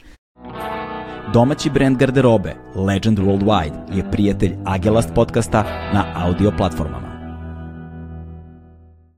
nažalost. Da, ali, da. Ovaj, ali dobro, ali, na, i sad, ali i književnost se na taj način menja. Ako posmatramo recimo kako se decentralizacijom obrazovanja sa ono rođenje građanskog društva u 18. veku nakon buržovske revolucije mi dobijamo prve građanske romane. Mm -hmm. Koji se zovu građanski romani mm -hmm. 18. veka? Mm -hmm. Znaš, da kad čitaš recimo, ne znam, Robinzona Crusoa mm -hmm. a, ili čitaš, ne znam, um, Gulliverova putovanja, mm -hmm. pa nadalje ti zapravo dobijaš tu sliku. Mm -hmm. I kada, a kada uzmeš u strukturu te, tih rečenica i to ti shvataš da je to ovi čuje, ovi nepismeno, ali je strava. Evo, mm -hmm. vekovima se održalo. Znaš, mm -hmm. Tako da ima, znaš, nije to bez, nije da, to da. bez svoga. Ali hajde sad da se vratimo mi na tebe. Um, dakle, uh, uh, ti uh, krećeš sa tim nekim svojim, ti si zapravo iz Banja Luke, mm -hmm. tako? O, iz Zagreba. Zagreba? Mislim, rođena sam u, a, u, Zagrebu, ali sam realno iz Banja Luke. A, a, Većinu dobro. života sam provjela. Banja ti, Luka ti imaš, me ti, pa- ti imaš tri pasoša. Ja imam tri, da, tri državljanstva. tri državljanstva. A sad, je moguće da si ima tri državljanstva? To nisam, pa evo, ne znam da li će sad ovaj neko iz policije ili gdje da sluša ovo pa da me nazove i da kaže čekaj malo. Alo. Ovaj, ja sam ta neka bijeli rupa u sistemu, desilo se tako da imam tri državljanstva Dakle, ja sam rođena u Zagrebu, Uh, igrom slučaja kada imaš srpsko prezime u Zagrebu ovaj, krajem 80-ih, to nije baš ovaj, srećna stvar. Dakle, tamo smo bili neki jeli, outsideri, iako je moj otac rođen i odrastao u Zagrebu, to je bio neki njegov grad. Um, tako da smo mi otišli iz Hrvatske, onda smo došli u Bosnu, ovaj, došli smo u Banja Luku, pa smo tamo bili outsideri jer smo bili došljaci. Ovaj, ja sam, neki prvi jezik koji sam ja pričala je bio čisti zagrebački akcenat. Ovaj, I onda naravno kad sam došla u, u Srbiju, gdje sad bi trebalo da si kao neki svoj na svome, tu sam osjetila diskriminaciju zato što sam iz Bosne. Mm. Pogotovo sam osjetila tu diskriminaciju na master studijima, na političkim naukama. Ovaj, I o tome bismo mogli da pričamo. Um, tako da nekako svačija sam i ničija sam. Mm. Onda, naravno, kada Sara Jessica Parker podijeli moju knjigu, onda se pojavi naslov u jutarnjem listu uh, Sara Jessica Parker čita hrvatsku autoricu. što je meni bilo genijalno. Da. Ove, sad, sad odjednom nisam problem. sad da, da, sam da, da, da. vaša. Ja.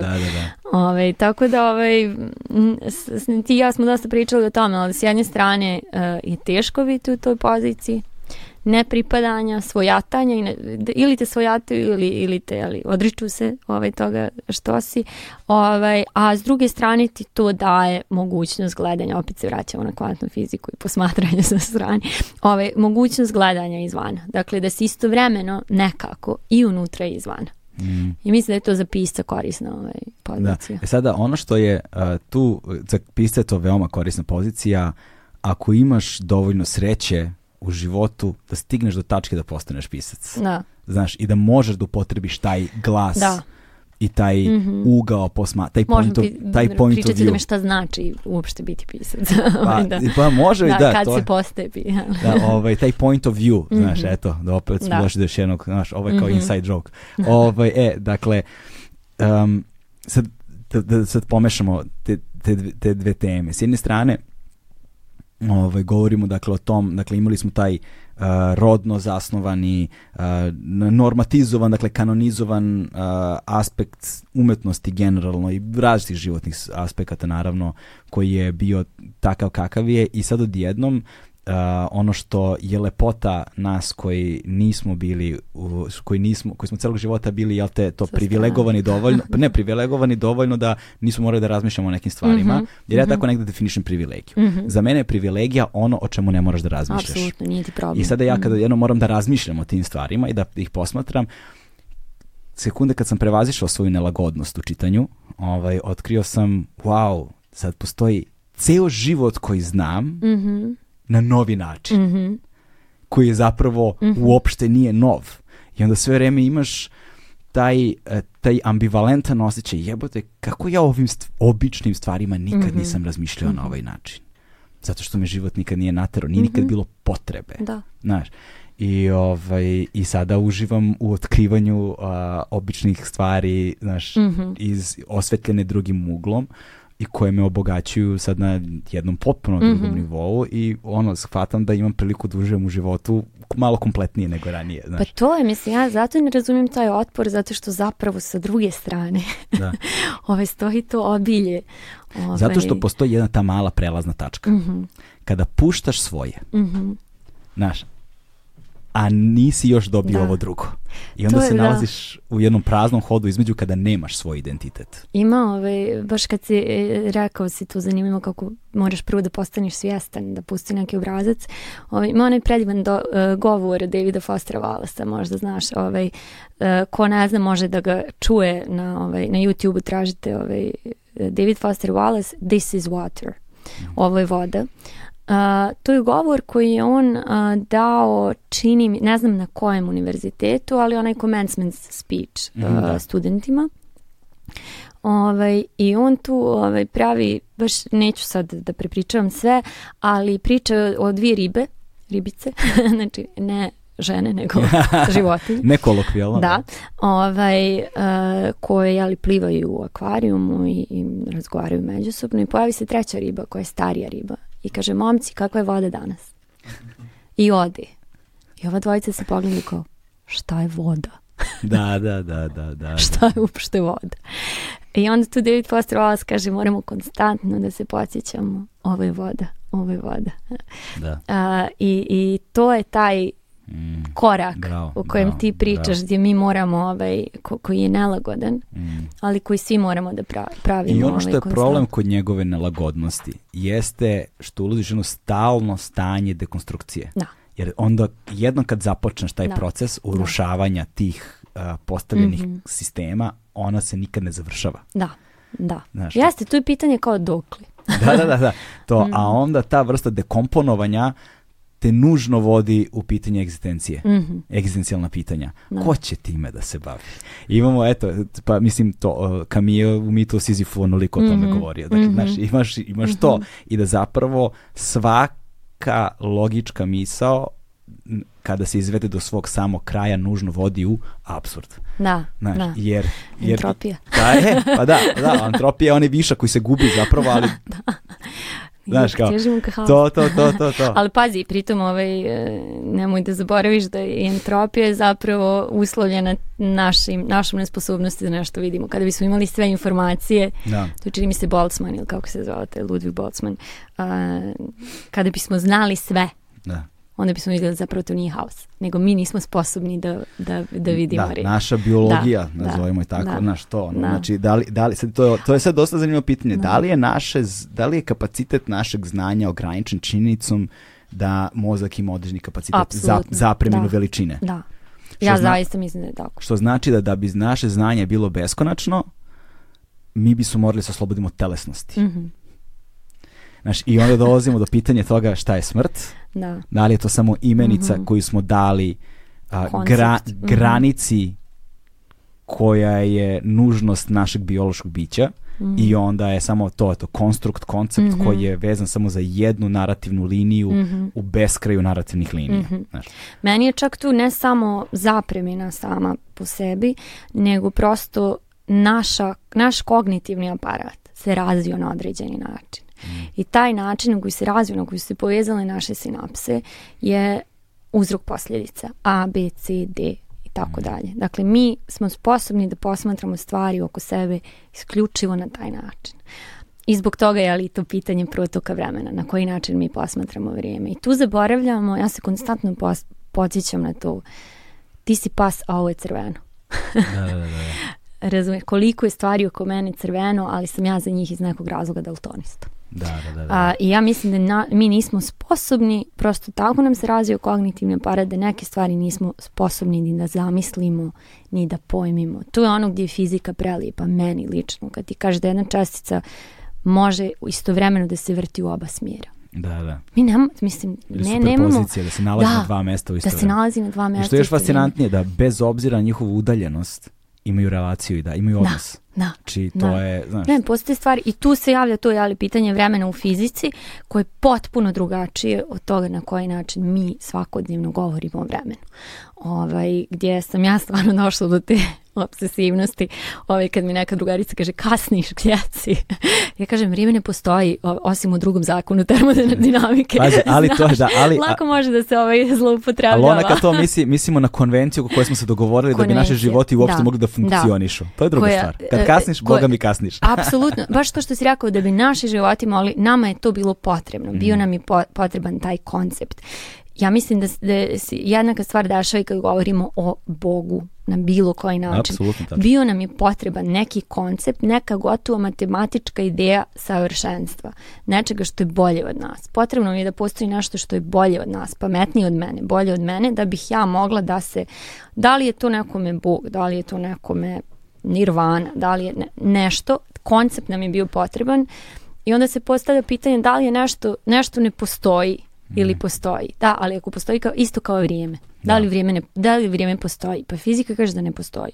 da, da, da. ovaj, ali ili, nama, ili, ili prosto postoji ili na način kao, koji je nama... Ili postoji kao četvrta dimenzija koju da. mi, mi nazivamo vremenom, ali neko četvorodimenzionalno briće bi se njime kretalo kao ulicom. Da. Napred, nazad, da. gore, dole, kuda želi. Ali mislim, ta ideja jedne crte koja ima, tu je ono gdje meni Karlo Rovelli, ovaj omiljeni fizičar. Da, ne moram da kažem Latko Vedra, ali je blizu da mu da. oduzme tu titulu. Pomenemo samo ljudima, Aha. Karlo Roveri, uh, eh, Rovelli, uh, eh, knjiga Prot, Poredak vremena. Poredak vremena. Poredak vremena. Pročitajte tu knjigu. Ima da se kupi da. na srpskom, dakle odlična knjiga.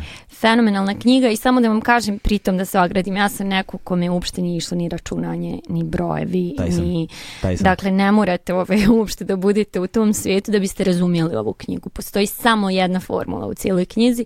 Ova knjiga je predivna i, i, i meni ove, ovaj, to mi je zapravo preporučio jedan prijatelj Carlos eh, Marquez Marcet, moj najdraži prijatelj iz Barcelone koji je filmski režisir koji se bavi pitanjem imam ovaj, vremena jeli, na filmu. I on je rekao moraš da pročitaš ovaj, ovu knjigu. Ja sam naravno bila u nekom lozu negdje i otvaram knjigu i otprilike ovaj, jedna od prvih rečenica je vrijeme ovaj, na planini protiče sporije otprilike nego vrijeme na nivou more.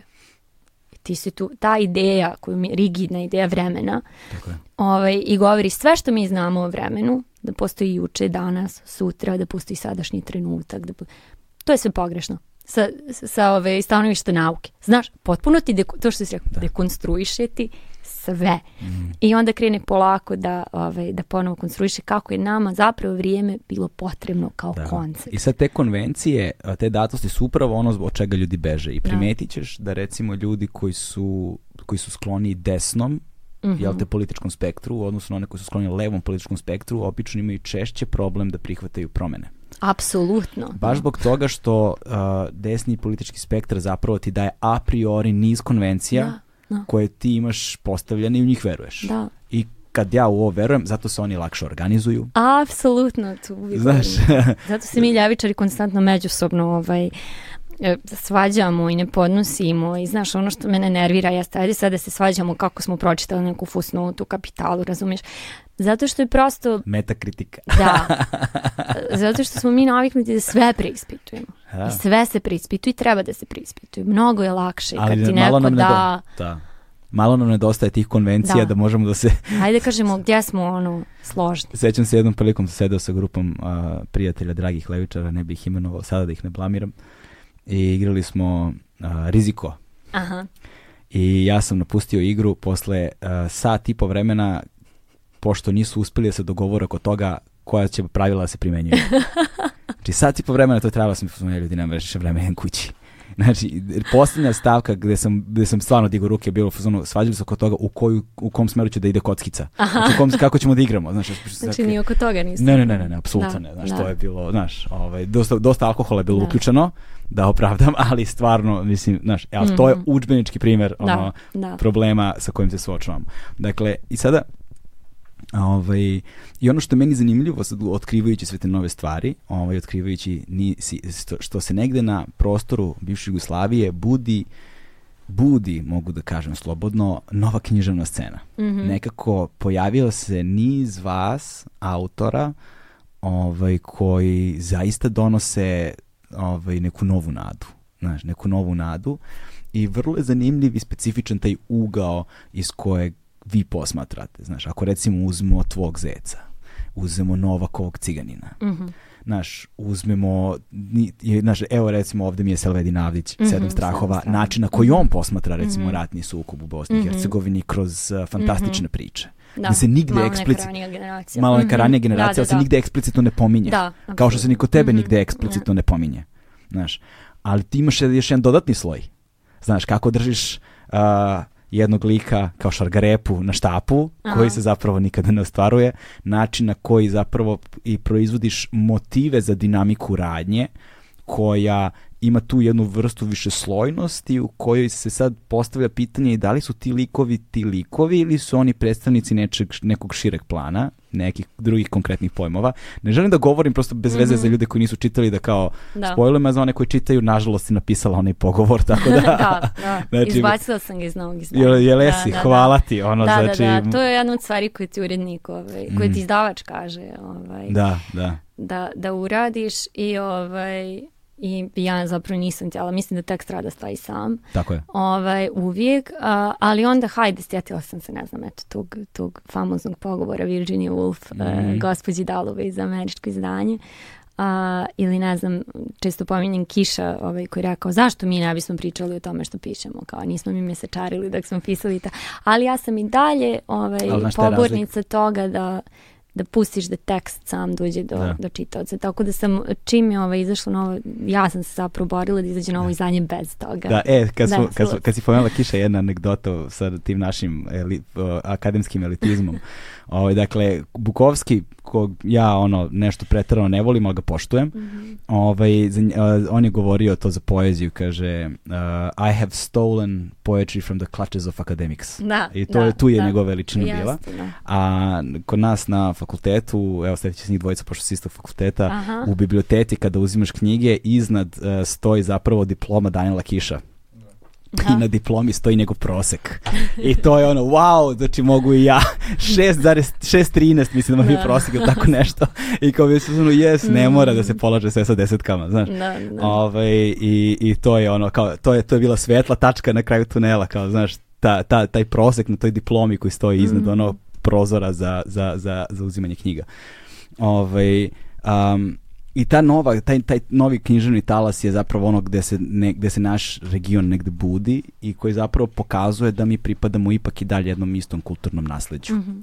Znaš, I to je baš lepota onoga što bez obzira koliko god da su hteli to da nam oduzmu mm -hmm. i da ga mhm. rasturi, da ga raskomadaju, da ga izbrišu ono sa stranice istorije, evo, živo je. Mm -hmm. Koliko god da je taj plamen mali, tinja i dalje. Apsolutno. Znaš, apsolutno. Pli, ti... I tu je, mislim, tu vidiš i moć jezika. Da, da. Koliko god neko želi da kategorizuje, da ga smesti da. u neke kutije, da ga zaustavi, ali ono, gde, ali ono gde stoji vaša va, važnost u, u društvenom kontestu, kao kad je Dubravka rekla što se iznenađuješ mm. i dalje, znaš, ovaj, je upravo u tome što svi mi, evo posebno, ja sam mogu da govorim u svojeg usustavno, posebno onog trenutka kada dobiješ dete, znaš, i kao u fazonu si udahneš duboko i kažeš sebi, ok, do sad sam se borio, borba je bila neuspešna, a sad imam dete. Da li želim dete da osudim na to da živi ovde? Mm. Znaš, zašto se uđem sebe na to da i dalje živim ovde? Mm. Znaš, mm. a, i, ovaj, i onda se nalaziš stalno u toj poziciji da li otići ili ostati. O, da. da li otići ili ostati. Da li otići ili ostati. Znaš, i nekako kako vreme odmiče, imaš utisak da ti uzimaju, kradu od to vreme. Da. Ne samo što ti ga kradu i oduzimaju, nego što stvari, kako da, kao da se ništa ne menja. Da. A nekako opet osjećaš istovremeno dužnost, ali ako ne ostanemo mi, ko? Da, da. Ako ne mi, ko? Da. Mm. I, ovaj, I tu je ono da književnost pomaže. Mm -hmm. Znaš, to ono da književnost pomaže. I mislim da je njena uloga danas je možda više nego pre. Ta.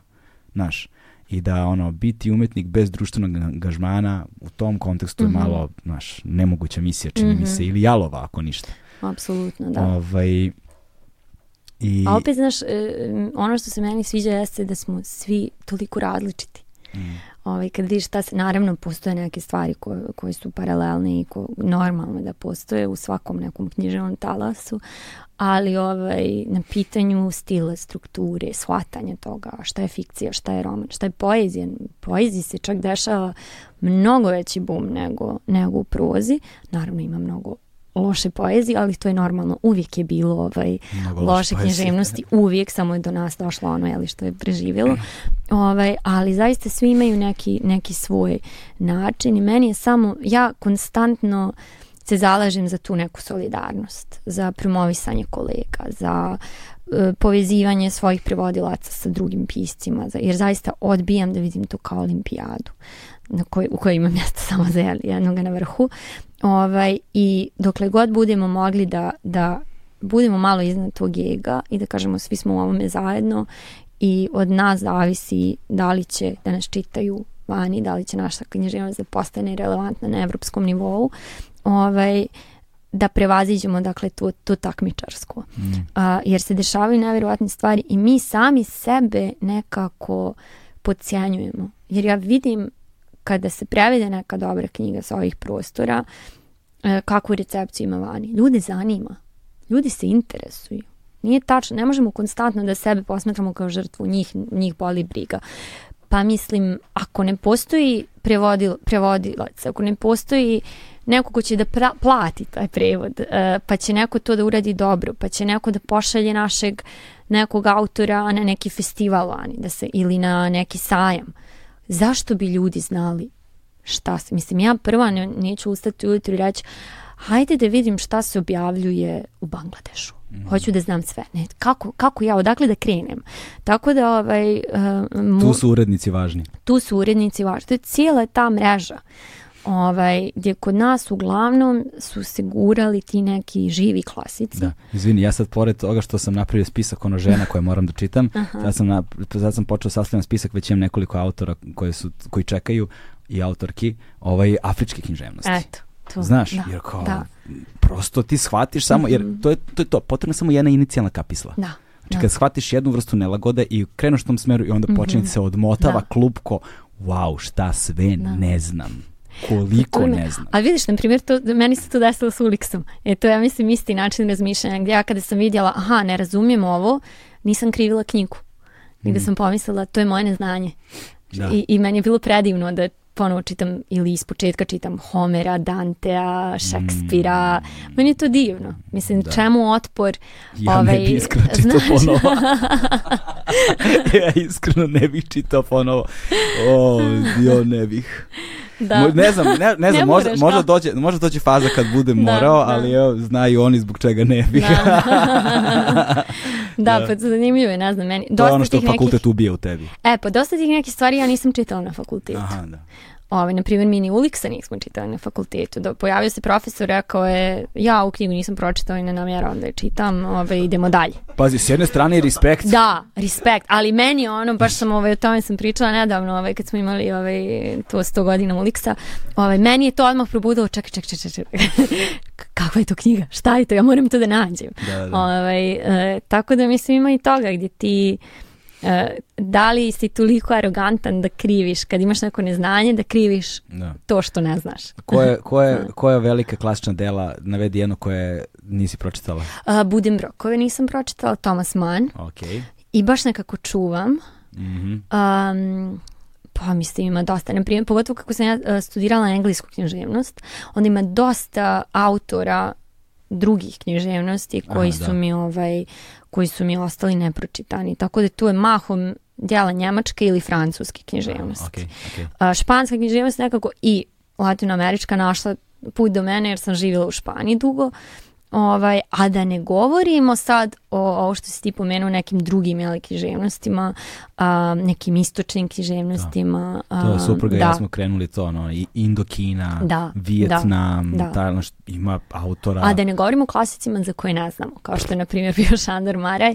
Da. I, na primjer, tu sam i takođe vidjela, e, vjerojatno, najveća katalonska autorka 20. vijeka, Merceru Breda. Uh, a, koja je jedna od najbitnijih evropskih književnica a, za koju je Markes rekao da je jedna od njegovih omiljenih književnica i da je roman na Dijamantskom trgu jedan od njegovih omiljenih romana. Dakle, to je književnica za koju ovdje ne da niko nije čuo, ni ja nisam dok nisam otišla da, da tamo, da. Ovaj, nego sam ja godinama ubjeđivala uh, izdavače da je objavi. Onda ja dođem i kažem katalonska književnica kao, meh, Kažem, čovječe, ovo je jedan najvećih klasika 20. vijeka.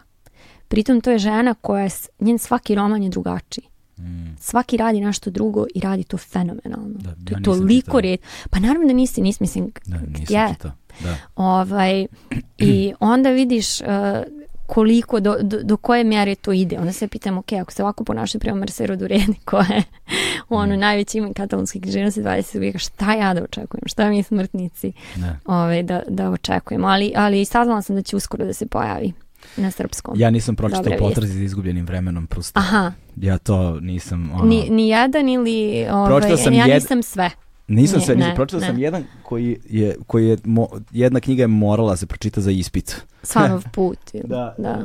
Uh, tu mi je negde, ne mogu setim. Mm -hmm. To je mhm. jedno od devet, mm -hmm. ono, na tako, znaš, ovih ostalih osam nisam kao, to je ono što kada se priča o Prustu svi pominju Madlene, Madlene, da. kao se znaju to, kao znaš li što drugo. Ove, to, to, to, to, kao, ništa. Ove, ovaj, da. a, e, te Ali to je okay, te... imaš čemu da se raduješ. Ja uvijek kažem, imam čemu da se radujem. Pa nešto se ne radujem da. baš.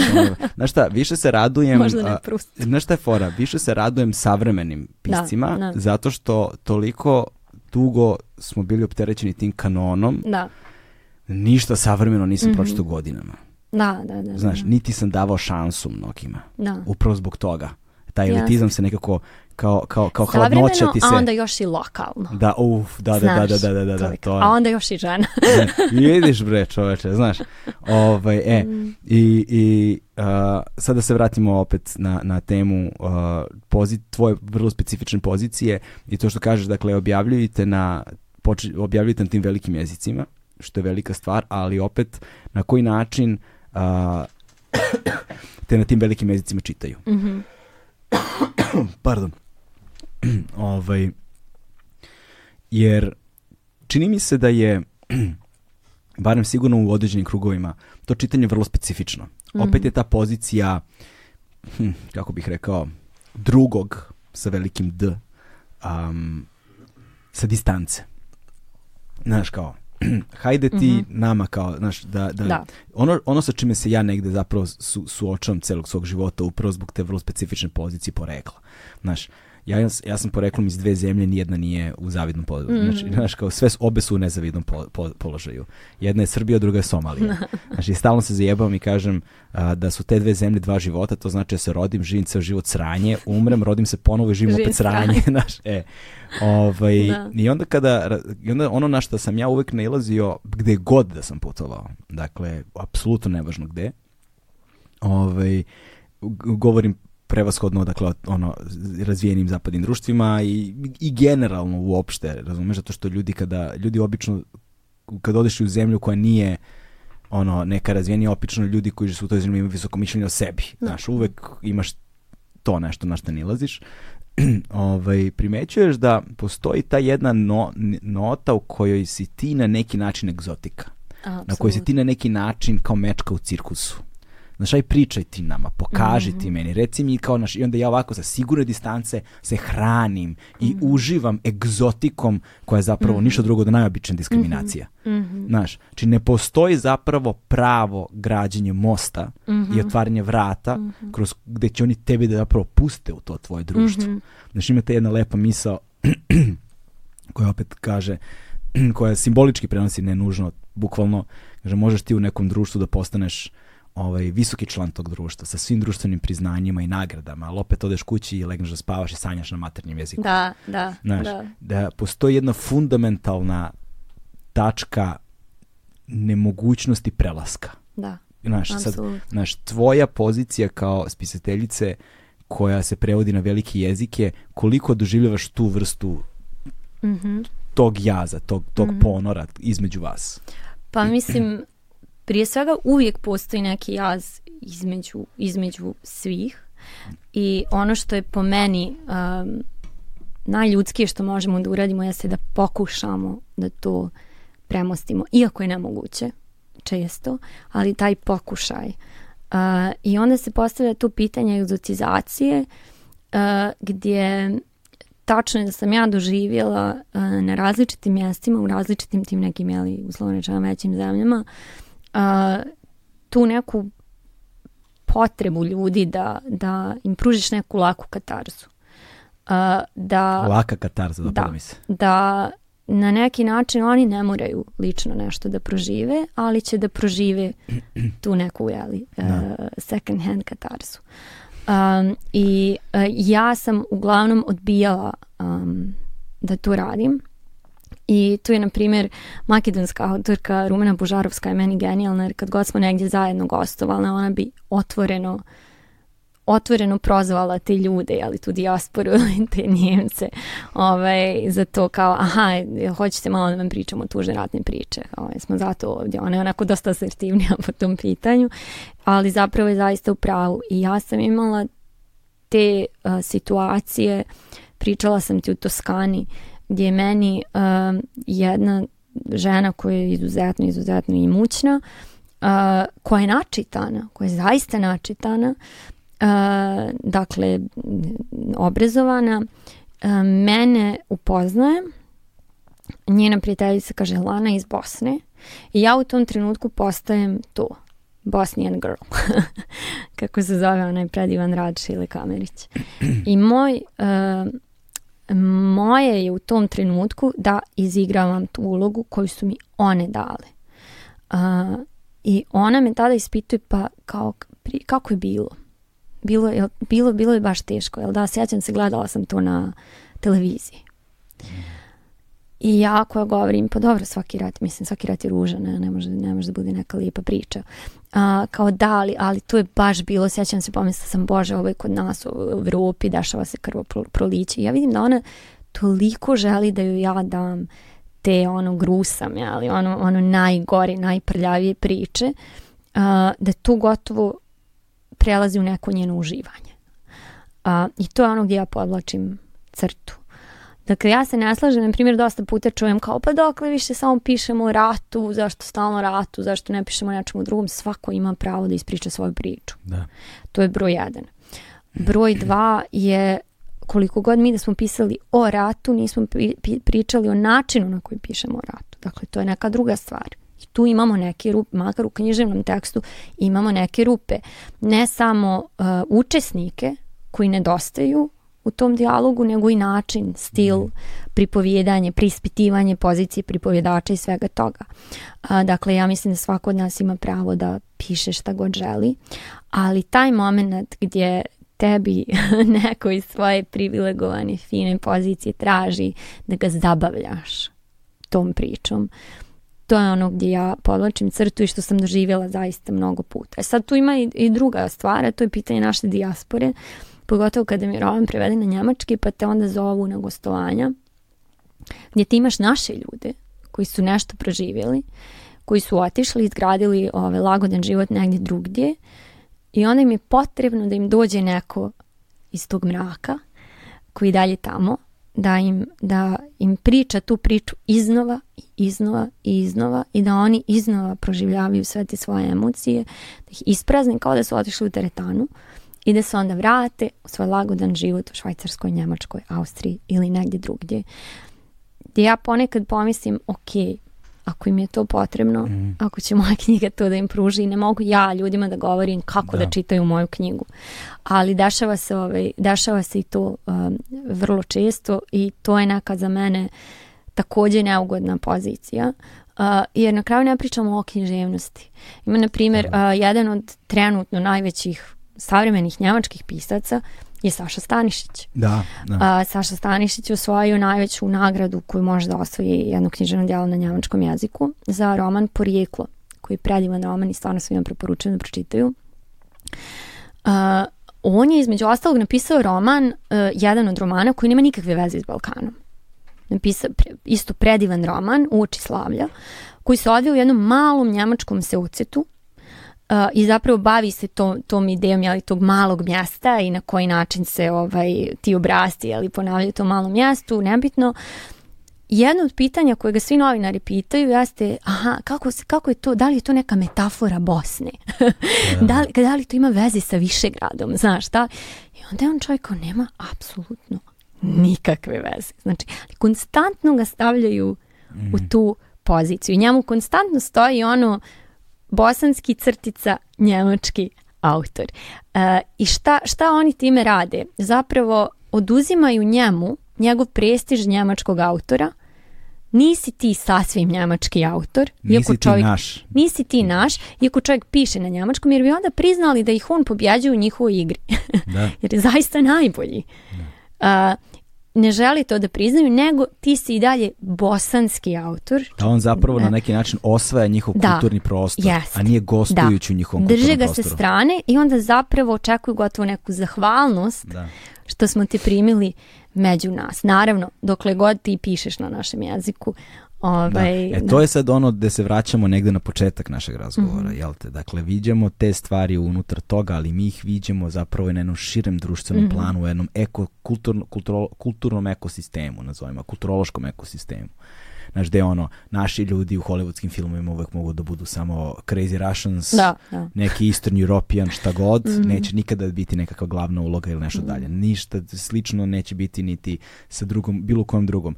Počinjemo polako da primećujemo, recimo, da se stvar menja kada govorimo o kinematografiji, na primjer, u skandinavskim zemljama, mm -hmm tu i tamo možemo da vidimo sad odjednom da je snažniji prodor a, te nazovimo je po znacima navoda migrantske kulture, jel te u taj kulturni prostor njihov, ovaj, da se oni negde otvaraju, ali to opet govori puno o tim kulturama i koliko oni mnogo rade na tome na neki način, iako opet tu ima jako puno problema, nećemo sad ništa da idealizujemo, jel te? Mm -hmm. Ali je zanimljivo i to što si pomenula, na koji način govorimo o tom istom ratu.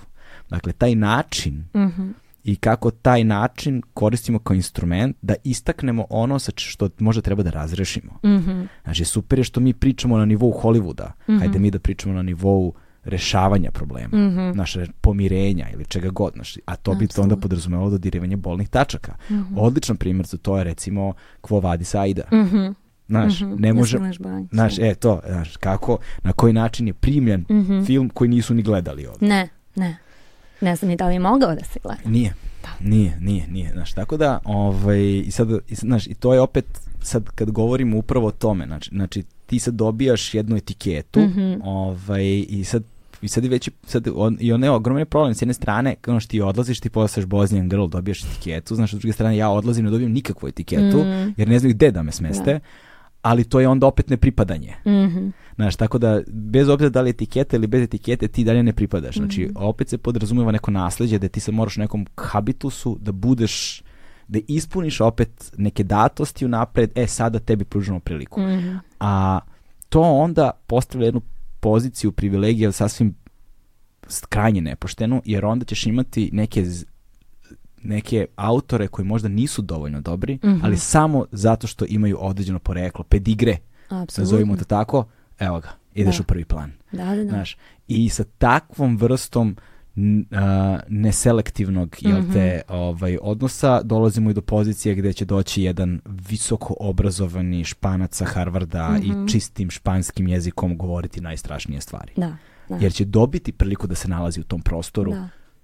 jer to niko neće dovesti u pitanje dovoljno da. je samo da na papiru crno na belo ispuni svoj CV, mm -hmm. znaš, vidi mm -hmm. gde sam rođen, kako da. sam odrastao, da. vidi šta sam do, vidi da. koju diplomu imam. Apsolutno. Znaš, da. i tu je ono da opet kaže vraćamo se formalno obrazovanje dobija, mm -hmm. dobija, dobija, dobija tu dimenziju. Mm -hmm. Ovaj ništa ne rekao smo u svojim knjigama. Znaš ka... Nema veze. pa dobro, znaš, zato što, ali hajde ovaj da, da, da, da ovaj, um, Uh, pa, znaš kako, Mislim, zato što... zapravo, sama činjenica da pričamo o tome ne samo pričamo o ratu, nego ko priča iz koje pozicije, meni je to bilo osnovno za, za moju knjigu. I, i, i meni je... Govorimo o zecu. Govorimo o zecu, govorimo ovaj, zecu. ali mislim i uvijek mi za sve što pišem, mm. prvo pitanje ko priča i kako priča. Mm. Pošto sam nedavno pi, e, pričala sa jednim malim pisem koji ima ovaj, uh, rukopis, piše rukopisnog romana i ovaj, I onda sam postavila par pitanja, neću da kažem, okay. ovaj, postavila sam nekoliko pitanja u smislu um, zašto, zašto ovaj lik priča? Zašto iz ove perspektive? Zašto uh, u ovom uh, licu? Mm -hmm. Zašto je u prvom licu? Uh, I zašto u ovom vremenu? I onda kre, kreće zbunjivanje pa prirodno je došlo ili tako mi je došlo ili tako mi je došla priča. E, to su, to su osnovne stvari koje se nekad često previde. Mm, ovaj, da, da. Zbog čega, gdje nama naravno vidi se i nedostatak urednika. To je nešto što dobar urednik može da dođe i kaže ne, ne, ne, ne. E, to se desilo, na primjer, sa romanom Ubiti pticu rugalicu, mm. gdje je prvi rukopis bio potpuno drugačiji od onoga što je danas američki klasik. Uh, Harper Lee, uh, gdje je urednica došla i rekla ne, ne, ne, priča nije o ovome. Mm. Ovaj lik on je priča, on me zanima. Harper Lee se vraća kući i piše ovaj knjigu. To je i dalje njena knjiga, ali, ali, ali je pronašla ugao najbolji mm. za tu priču. I to je ono što mene opsjeda kad, kad želim da sjedim da napišem nebitno kratku priču. Koje priče, iz koje, zašto, kakvim jezikom. Mm. I to je mhm. ono gdje se razlikuje stil i glas, što mislim da kod nas i dalje se miješa. Mi dalje imamo nagrade, čini mi se, koje nagrađuju stil, mm. a ne roman. Da, da. Nas može, mene može da oduševi neki stil, ali može da me vozi 30-ak, 50-ak strana. I onda počnem da se pitam, ok, da li, da li je to to? Mhm, mhm. Šta je, koja je konstrukcija romana? koji je, e, e, zašto ovaj početak, zašto ovaj kraj, zašto je to važno. Da. Ovaj, I tu me često ovaj, ti e, pisci sjajne rečenice gube, jer ja mislim da može da se uradi oboje i oni pravi mogu da da, da, da ja, urede oboje. Ja negde postavljam dosta visoke standarde, da. mislim samom sebi ono, za čitanje u tom slučaju, jer važan mi je stil, Apsolutno. Bez stila me ne zanima ništa. To je ono prvo. Da, da, ne, ne da. zanima me ništa, ovaj, a onda da vidimo šta ti imaš da mi kažeš. Da. Znaš, ovaj, ali recimo zanimljivo je kod tebe, um, ajde sad, ko, pri, da, ko priča priču, recimo u mm -hmm. Zecu, znaš, imamo ovaj, pripovedačicu jednu, ovaj, koja nam priča priču o svom prijateljstvu, koja je mhm. zapravo podeljena na Uh, dakle, sve je to zanimljivo, taj, taj narativni tempo ovaj, i zanimljivo je kako je podeljeno zapravo kroz sećanja, mm -hmm. kroz taj kako se to zvanično zove, analeptični diskurs, jel te? Znači, da. da. dakle, dakle, ima, dakle imamo kao neko takozvano mhm. sadašnje mm -hmm. vreme, imamo neko takozvano prošlo vreme, koje sadašnje mm -hmm. ne mhm. možemo da razumemo bez prošlog, mm -hmm. prošlog nam stavlja, pro, prošlo nam dobije kontekst u sadašnjem, mm -hmm. znaš, i ovaj, ali postoje određeni motivi unutar njega koji, uh, to, je sad, to je ona lepota kada čitaš uh, više dela jednog pisca, znaš, i onda, onda zapravo dobiješ jedan širi plan, knjiž, jedan širi knjižni plan koji ti se otvara, aha, kao vidi, vidim ove motive i ovde koji se kao, znaš, na ovaj način, šta li to sad meni govori o onom prethodnom što, me sam, da. što da. sam čitao. Jer, znaš, na primjer, da. ne znam, sad ja sam tu sad sebi svašta zapisivo, ali otišao razgovor u freestyle. Ovaj, na primjer, znaš, ti sad vidiš strahovi koji opsedaju, nećemo sad pominjamo konkretno naravno mm -hmm. ništa, ali strahovi koji opsedaju u vezi sa njenim uh, majklom, mm -hmm. ovaj, znaš, odjednom vidiš te strahovi koji se ostvaruju u prvoj priči sa uh, mlečnih zuba. Mm Znaš, mm ovaj, kao šta će ono zateći kada dođe Gajbi, a šta, mm -hmm. o, šta, šta, se zatiče mm -hmm. zapravo upravo u prvoj priči, mhm. znaš, i onda kao, hm, znaš, da li je to na neki način povezano, znaš, mhm. ovaj, i kako sada, sad, znaš, ono što je zanimljivo vrlo kod tebe jeste, dakle, imaš to Joyceovsko a, puteno, a, a, telesno, Mhm, vrlo, eksplicitno vrlo, mhm. vrlo, vrlo eksplicitno i vrlo svesno, znaš, od tampona do ne znam čega mm -hmm. i načina na koji se to tretira, kako se odnosi prema tome i onda imaš to ili jedno, jedno, jedan plan u kojem to kao evo ti ovo je normalno i tretiram ga normalno mm -hmm. ili imaš recimo lika koji je ono strana koja je ogledalo kako društvo na to vidi, znaš, mm -hmm. kao s gađenjem ili čime mm -hmm. god. I način na koji se odnosiš prema seksualnosti u svemu tome. Uh, Ovaj, što je, to, to su ti neki novi aspekti sa kojima se ja recimo nisam čitao, nisam čitao, nisam sretao u književnosti ranije i onda oni naravno izazivaju tu neku vrstu čitalačke nelagode da. koja ovaj, onda koja onda im, im, implicira niz mm -hmm. sledećih pitanja koje se nužno možda ne nalaze u tekstu, mm -hmm. ali već u čitaocu mm -hmm. samom. Mm -hmm. Sad sam ja možda pretiša, previše otišao. Ne, meni je da. apsolutno to. Ja uvijek kažem neću da dajem odgovore, hoću da, da postavim pitanja to to. i onda da čitalac pronalazi ovaj, svoje neke odgovore. Prosto ne, neću da držim slovo u književnosti. Pa da, da. da. ovaj, da. Ali, ali sve nekako ono što je mene iznenadilo jeste da e, koliko je bilo nekih čitanja mog romana gdje su Eh, čak i neki kritičari mislili da su stvari random, da su nasumične, Aha, da su da. neke scene nasumične, da eto taj tampon je tu da bih ja ne znam nekoga Šok zgrozila, bila, da.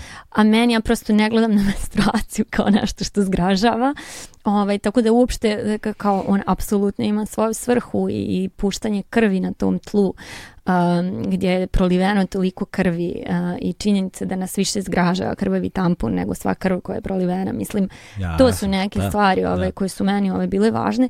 Sve imalo svoje svoje zašto i da. tu je ove meni bilo važno um, knjiga koja je dosta uticala, pisac koji je dosta uticao na mene je Vladimir Nabokov. A nije Joyce? Ove, naravno, to je ove, ne može da se poredi, ali za ovaj konkretno roman, iako je on prepun Joyce-a i zapravo je tak jedan monah eh, je to primijetio, to je bilo jako zanimljivo na svirci, uh, eh, tribut svirka Joy Division u jednom od mojih mamljenih bendova.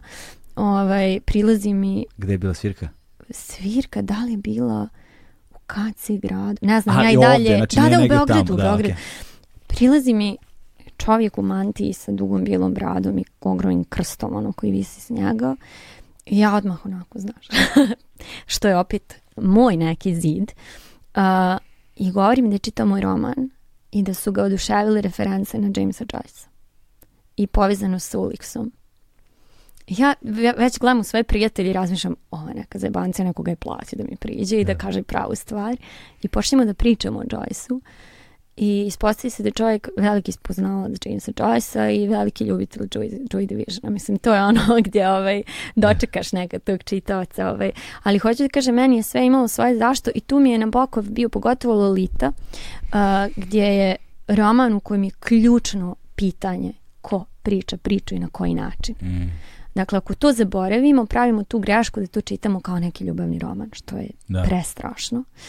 Uh, I zapravo kad shvatiš da uh, Humbert priča priču, uh, on je jedan visoko obrazovani evropljanin koji estetizuje sve, koji sve priča kroz metafore, sve je metafora, ništa nije direktno, uh, i na taj način u, čini da mi kao čitoci uživamo u jednom zločinu. Mm. Da se mi zapravo prevarimo i pomislimo, paziti ovu malu kako ona njega izaziva. Mm. Ovo je jedna ljubav, ovo je ljubavna priča. Danas žedne prevede preko vode. Bukvalno. Mm. Uh, I tu je ono ta moć fikcije uh, gdje, gdje smo mi ušli u logiku, unutrašnju logiku tog jednog monstruma. Jeli? Mm. A, I možda ga donekle čak i razumjeli što, što je da. užasavajuće. To, da, kao kaže u Loliti, uh, izgleda da je u prirodi svakog čovjeka da zabrano doživljava kao poziv. Da. da. To.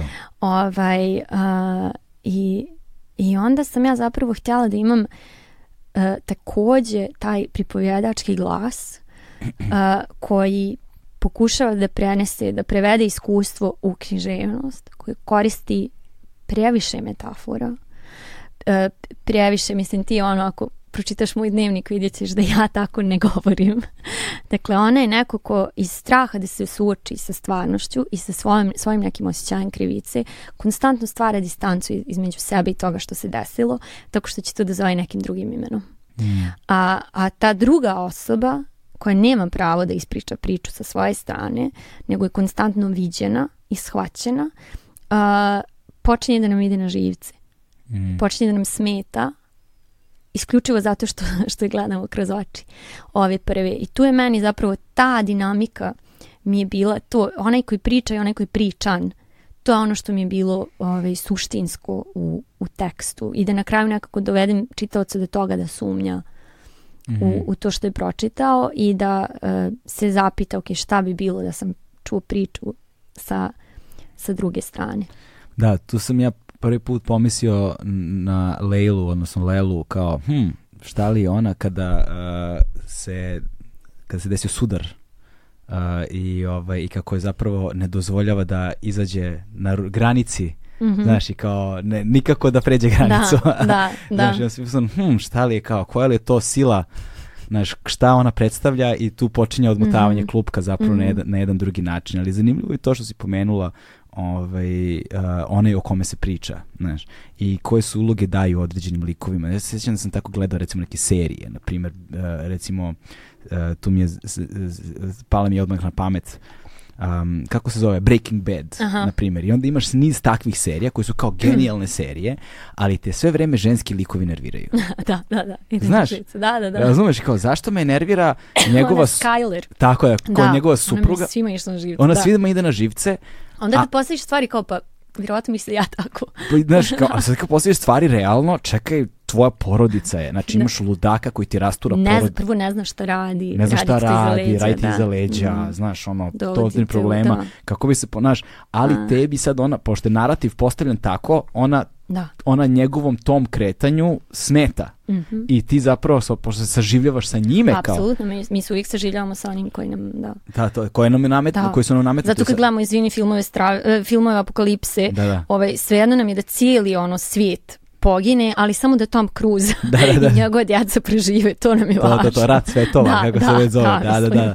To je, to je ono što je moć fikcije, mm -hmm. znaš. Sada kada ti, kada shvatiš da imaš tu moć u rukama, kao neko ko mm -hmm. kreira tu fikciju i onda a, i da možeš tu moći da delegiraš kako želiš znaš, i sa njome da radiš ono što želiš. Da, da. a, ti nužno nailaziš zapravo, sad ono, e, to je ono gde, gde, gde je ta stvarnost o kojoj govorimo. Dakle, ti kao autorka sa ovih prostora, znači već imaš niz barijera koje mhm. treba da sružiš, a onda čak imaš fikciju koju si moć raspodelila na drugačije načine i izbacila gomilu nekih elemenata i kaže mm -hmm. sada dodajem još barijera na ono a, mogućnost e, vašu da me prihvatite, mm -hmm. a zanimljivo je kako ideš kako, ide, kako, ide, kako ideš, to je kao, kao čelni sudar dva sveta, znaš, mm -hmm. vozovi koji su sudaraju. S jedne strane, kao, a, ne želim da vam podilazim ni na koji način, a s druge strane imaš likove koji prave katastrofalne greške u potrebi da pripadaju. Mm -hmm. Znaš, baš to.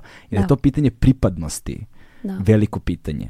Ovaj, I zanima me, sad, znaš, to je recimo, a to pitanje pripadnosti otvara pitanje identiteta, ovaj, a meni je to pitanje identiteta posebno za ljude sa ovih prostora strašno važno. Znaš, ne samo u kontekstu ovoga rasturenog što imamo ovde, nego sad ti kad posmetraš, recimo imate četiri velike migracije koje se desite od drugog svjetskog rata na vamo, jel te, posle ratna ono, a, drugi svjetski rat, jel te, mm. pa onda gastrabajt, jel te, 60-70, mm. pa onda opet e, ratna izbeglička mm 90-ih i onda ova takozvana ekonomska da, da. brain drain, šta ti ja da. znam, posle 2000-te.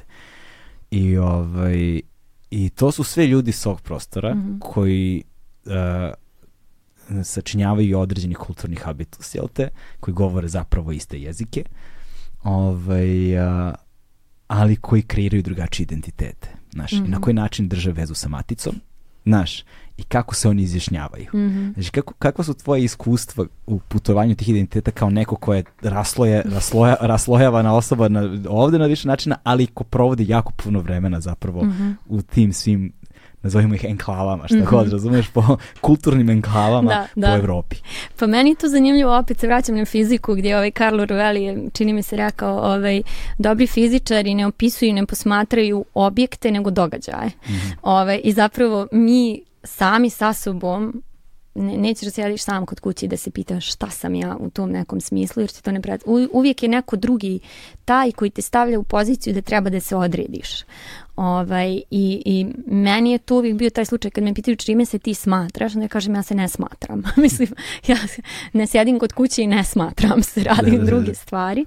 Ovaj, uvijek su ti drugi koji pokušavaju da te, da te stave na neki način a, negdje i tu je u, konkretno kad putuješ um, meni je možda lakše da se povežem sa nekim stvarima, sa, sa nekim porijeklom kad sam negdje vani to je ono, ta neka čudna situacija kad ovaj, ja, na primjer, gotovo uopšte ne pratim sportu. Ali stvarno, uopšte. I onda se desi da sam u Španiji, igraju Nadal i Đoković. Mm -hmm. I svi oko mene navijaju za Nadala i, i me, u meni se dešava nešto neki poriv, neka, žel, neka nevjerovatna želja da Đoković pobjedi. Pritom ja nemam uopšte taj odnos prema sportu, apsolutno mi je svejedno ko je odakle, ja, kakve veze imamo ja i Novak Đoković, čovjek neki koji živi u Monaku ili gdje, mislim, kao ne mogu ni na kojem nivou da se povežem, ali ne, dobijam taj, tu neku želju Ovaj, isto kao što u Beogradu, ako znam ako igra Barsa, da ću da navijam za Barsu. Mislim, besmisleno je, ovaj, ali uglavnom kad si u tom nekom položaju, kad si negdje vani, ljudi pokušavaju uh, da te, da te svrstaju, da te stave u neku kategoriju. U mom slučaju to dosta teško i onda ne ilazim čest, gotovo na neku agresiju. Mm. To mi se dešavalo ovdje a, gdje kad god sam ja negdje rekla bosanka, javio se neko da mi učitava krvna zrnca i da priča o mojim pobijenim pracima u Hrvatskoj 41. Činjenica, ne znam, moj dada je bio u Jasenovcu, pobjegao je kad je imao 11 godina um, i onda ovaj, se ja nađem u situaciji da moram da objašnjam da jedna stvar ne isključuje drugu. Mm. Da sam ja osoba koja ne funkcioniše po principu isključivanja. Da meni bosanka znači isto što vojvođanka, mislim. I da je meni potrebno to nešto, nisam rekla Hercegovina, nisam iz Hercegovine. Yeah. Da. Ove, ovaj, da, da bih ja donekle opisala kontekst u kojem sam se ja formirala kao ličnost. Ja ne mogu da se odreknem ni jedne od tih stvari, ni tog Zagreba, niti 41. mog dede koji je, čija je trauma iz logora se nekako prenijela na sve, svaku sljedeću generaciju u mojoj mm. familiji. Bukvalno ti vidiš kako iskustvo logora mijenja porodicu godinama kasnije. I to je nešto što me takođe zanima. Dakle, ja ne mogu da se... Ni sad činjenica da sam tri godine u Beogradu Ne čini se da sam sedam godina bila u Barceloni. Sve sam to ja. Ali ove ljudima je lakše da te pojednostavi. Mm, I da. obično su drugi ti koji me tjeraju na to, a ja to ne dopuštam.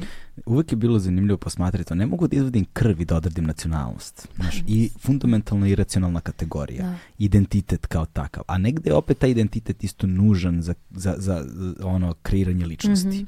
I taj identitet u sebi sadrži neku vrstu oprečnosti. Znaš, jer on je duboko iracionalna kategorija i može da sadrži u sebi stvari koje se nužno mm -hmm. nemoj veze na s drugom, čak se ne, u stvarnosti kada bi se ono materializovale, odmah bi zaratile. Mm -hmm. Ali kao ti ih nosiš sa sobom savršeno normalno. I, ovaj, I onda ono predstavlja vrlo često ne samo izneverno očekivanje unutar društva u kojem se nalaziš kada ti to postaviš tako recimo u knjižnom delu kao što umeš da uradiš, nego s druge strane uh, i u očekivanjima onog tamo drugog čitaoca mm -hmm. koji dolazi iz, na primjer, te iste Barcelone. Mm -hmm. Znaš, a opet to što ti doživiš, kad ne znam to, Nadal i Đoković igraju, i opet mislim da to negde ima veze sa ono uh, favoritom, znaš, mm. i sa onime koji, znaš, nekako ja, ja uvek imam sklonost da navijam za onoga koji nije favorit. Da, da, da, da, apsolutno. I, ili, ili, da. Za, ili za onoga za koga svi da. navijaju, da. aj sad da ja navijam za, nekog, za, za, za onog drugog, znaš, za, zašto, zašto mm. toliko, znaš, toliki otpor. I mislim da tu negde možda Novakova boljka se i nalazi ovaj, u kontekstu njegovog velikog uspeha. Mm. Zašto nekako pedigreom ne bi trebalo da je tu gde jeste. Mm -hmm. I da to, ceo taj svet mnogo, mm -hmm. bo, mhm. mnogo boli. Mm -hmm. Znaš, i ovaj, e sada, da li to ima neku vrednost ili nema, ne želim, mm -hmm. da mhm. ulazim, ne želim da ulazim u to, ali nekako, znaš, kao sad ti samo imaš neku prizmu i sad prelamaš celokupnu stvarnost mm -hmm. kroz tu mhm. prizmu, jel te, znaš. Mm -hmm. um, ovaj, Zec je bio pre četiri godine, mm -hmm. tako ovaj, Mlečni zubi? 2020. Znači dve godine, mm -hmm. to. Ovaj, a, koliko sam saznao a, e, razgovarajući s tobom, a, postoji još već neki napisani tekstovi. Mm -hmm. a, ima jedan vrlo zanimljiv dnevnik koji je u vezi sa ovom ženom koju si pominjala u Toskani. da. Ovaj, da li bi podelila tu priču ili pa može, to je neka anegdota, smiješno mi bilo kad smo se našli, onda si rekao, ne, ne, ne, ne ostavi ovo za, ovaj, tako je, za dakle, petak, da, da, ovaj. A, ali da, mislim, imala sam tu situaciju da me pozovu na književnu rezidenciju u Toskani. Mislim, izvini, tu se, tu se, tu se sada nekako sve ovo čemu pričamo da. Da, jest. Sreće se yes. sve na jedno mesto, pa zbog toga. Ovaj, kod jedne baronice. Ovaj. Evo, počelo je. da. Um, In media gdje, Da, i, i prosto... Čekaj, ti si zapravo otišla na rezidenturu. Oni su mene zvali eh, da, pošto je to po pozivu, eh, da provedem eh, mjesec dana u Toskani. Mislim, svako normalan bi rekao da. Ali su zvali kao, šta je to? Pa, ideja književne rezidencije e, jeste da ti neko obezbijedi u određenom vremenskom periodu koji može da bude od mjesec dana do godinu dana da ti obezbidi vrijeme i mjesto za pisanje kao što je, na da primjer, da si... komu nastao jeste Dakle, da se ti prosto, mislim, u idealnom svijetu ne bi trebalo da postoje, jer bi bilo logično da mi imamo već, da, da pisanjem sebi obezbeđujemo to, ali to nije slučaj. Ove, ovaj, dakle, ideja je da se pisac ne brine o krovu nad glavom i da li će imati šta da jede, neko ti to obezbedi i kaže ti dođi ovdje da pišeš. Ovaj, I to je nešto što postoji u cijelom svijetu. E, mi imamo, na primjer, Reading Balkans mrežu na Balkanu, tih rezidencija. U Beogradu konkretno je to Krokodil, rezidencija na koju su davali dosta, ovaj, dosta pisaca sa strane. Ovaj, a može da bude, ne znam, uh, Njemačka akademija godinu dana u Berlinu, mislim to je jedna od najtraženijih. Uh, mene su na taj način zvali u Toskanu i vidjela sam odmah po njihovom web sajtu tu su već bili neki pisti koje ja volim, to mi već govori da je to nešto dobro, da treba da idem. A, imala sam ideju o čemu želim da pišem, naravno ima veze sa vremenom.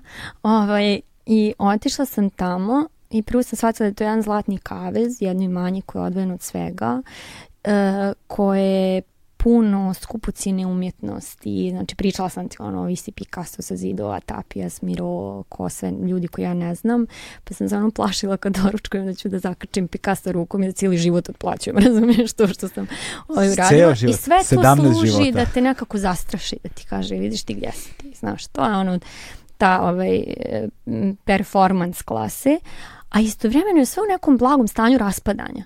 Mm. To je neka paučina, ono, znaš, ni, jako, jako čudno. Ovaj, I ta baronica koja ima dosta zanimljivu životnu priču, a, eh, koja je potpuno najmizoginija osoba koju sam upoznala u životu, ovaj, nisam zaista nikada upoznala neko ako toliko mrzi žene i misli da su žene glupe i dodvorava se muškarcima. A, eh, I lik njenog mrtvog supruga, pisca, ovaj, koji je nekako i dalje živi na tom imanju jer ona svoje mlade asistente od 26-7 godina tjera da nose njegovu odjeću. Znači, fascinantno. Ovaj, I naravno ja sam u tom trenutku ovaj, potpuno zatečena. Naravno posluga sa Šrilanke koja živi tu uh, gotovo ni za šta, uvijek tu imaš neki rad ovaj, iza toga. Uh, I ja sam tu shvatila, ok, ovo što sam ja mislila da ću da pišem, to ćemo da stavimo u fioku, vidiš kao šta je ovo, gdje sam ja došla i počela sam da pišem dnevnik, neka svoja zapažanja o tome šta se tu događa, jer meni to stvarno neki moj prvi susret sa nekom tom starom buržoazijom. Ja nisam imala priliku da se s tim susretnem. Ovaj, I pisala sam dnevnik, rekla sam im, ona se naravno zove Beatriče, rekla sam Beatriče, ja pišem dnevnik o svemu što se događa ovdje, voljela bih da te intervjuišem. Može, naravno, ona sa svojim psima, ja ju intervjuišem. Uh, I na kraju kada je taj dnevnik zapisan, ja sam se vratila uh, u Beograd uh, i zapravo izdavač iz Sarajeva bio zainteresovan da to objavi. Ja čak nisam znala da li to uopšte ima neku književnu vrijednost, to je meni više bila neka vježba. Onda sam posla, poslala to se Mezdim Lehmedinoviću, njemu se izuzetno dosta, dopalo i Aleksandru Hemonu kojem se takođe dopalo i oni su rekli mislimo da treba ovo da se objavi u nekoj nefikcijskoj edici, što da ne, možda sa nekim fotografijama. I onda sam pisala Beatriče, rekla sam joj, ovaj, ovo se dešava, šaljem ti dnevnik, javi mi šta misliš, pritom u tome nema ništa uh, nisam napisala ništa loše o njoj jer ja nekako kad pišem ne želim da osuđujem, pokušavam da razumijem. Čak i kad mi je neko ogavan kao osoba, nije dovoljno da kažem ova stara mizogina svinja, mislim to je, to je lijeno. Da. Nego ajde se vratimo da vidimo dakle to dolazi. To je ono što me zanima. Dakle, da nema tu ništa negativno o njoj. I ona mi je poslala mail koji je bio takvo jedno buržoasko ne, u smislu ja ne želim da se ovo objavi. Ja sam prvi put doživjela moć, tu moć, da neko ima moć, da nekoga stoji novac, ime, jer ona i biti baronjesa u Italiji danas i dalje važno iz nekog razloga, novac, ime, status, kontakti, to je konstantno bio neki name dropping, i, ovaj, i to njeno neupitno, ta, ta, ta, ovaj, ta poza, ja to ne želim i to ne može da se preispituje. I meni je to bilo onako fascinantno jer ovaj, rekli su mi neki ljudi šta te briga, ona ima ne znam 93 godine, objavi mi, što sam rekla ljudi ja nemam pare da se bakćem sa advokatima italijanske baronice, da li ste vi normalni, ona mene možda uništi. Ovaj, a s druge strane mi je napravila zanimljiv PR kada jednom izađe taj dnevnik ovaj, kojeg ja i dalje ne shvatam kao književno nešto ovaj, posebno uspjelog jer me više zanima fikcija ako ništa mogu da stavim na koricu zabranjeni ovaj dnevnik koji je zabranila ovaj toskanska, toskanska baronica. I tu je bio takođe taj odnos prema meni kao jednoj mladoj autorki sa Balkana.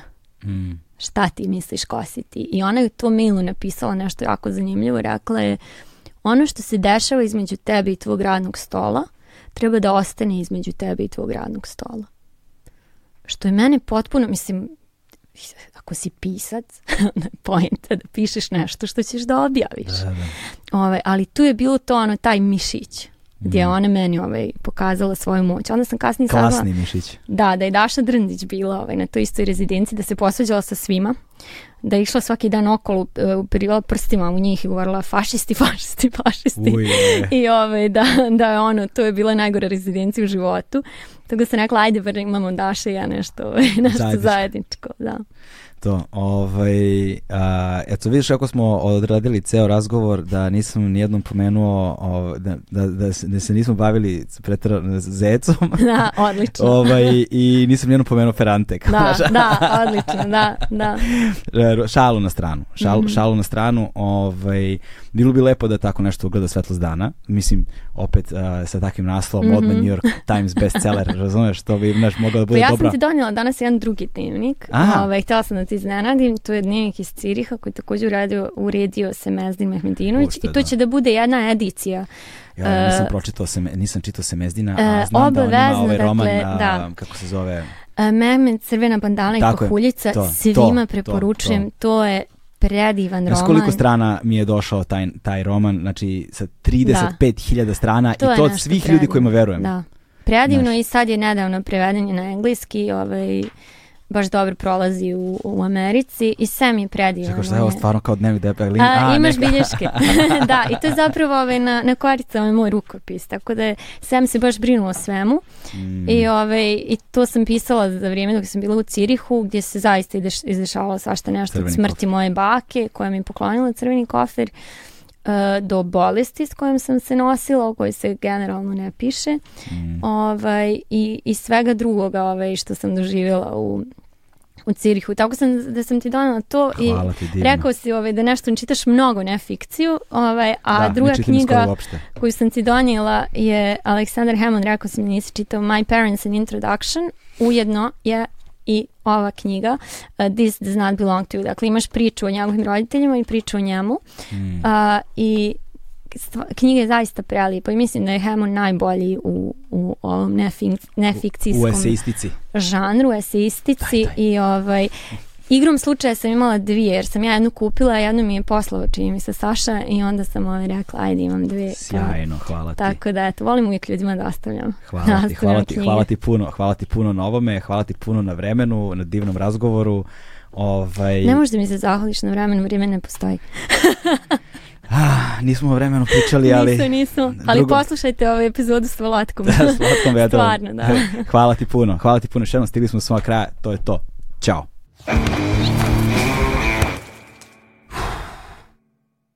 Hmm.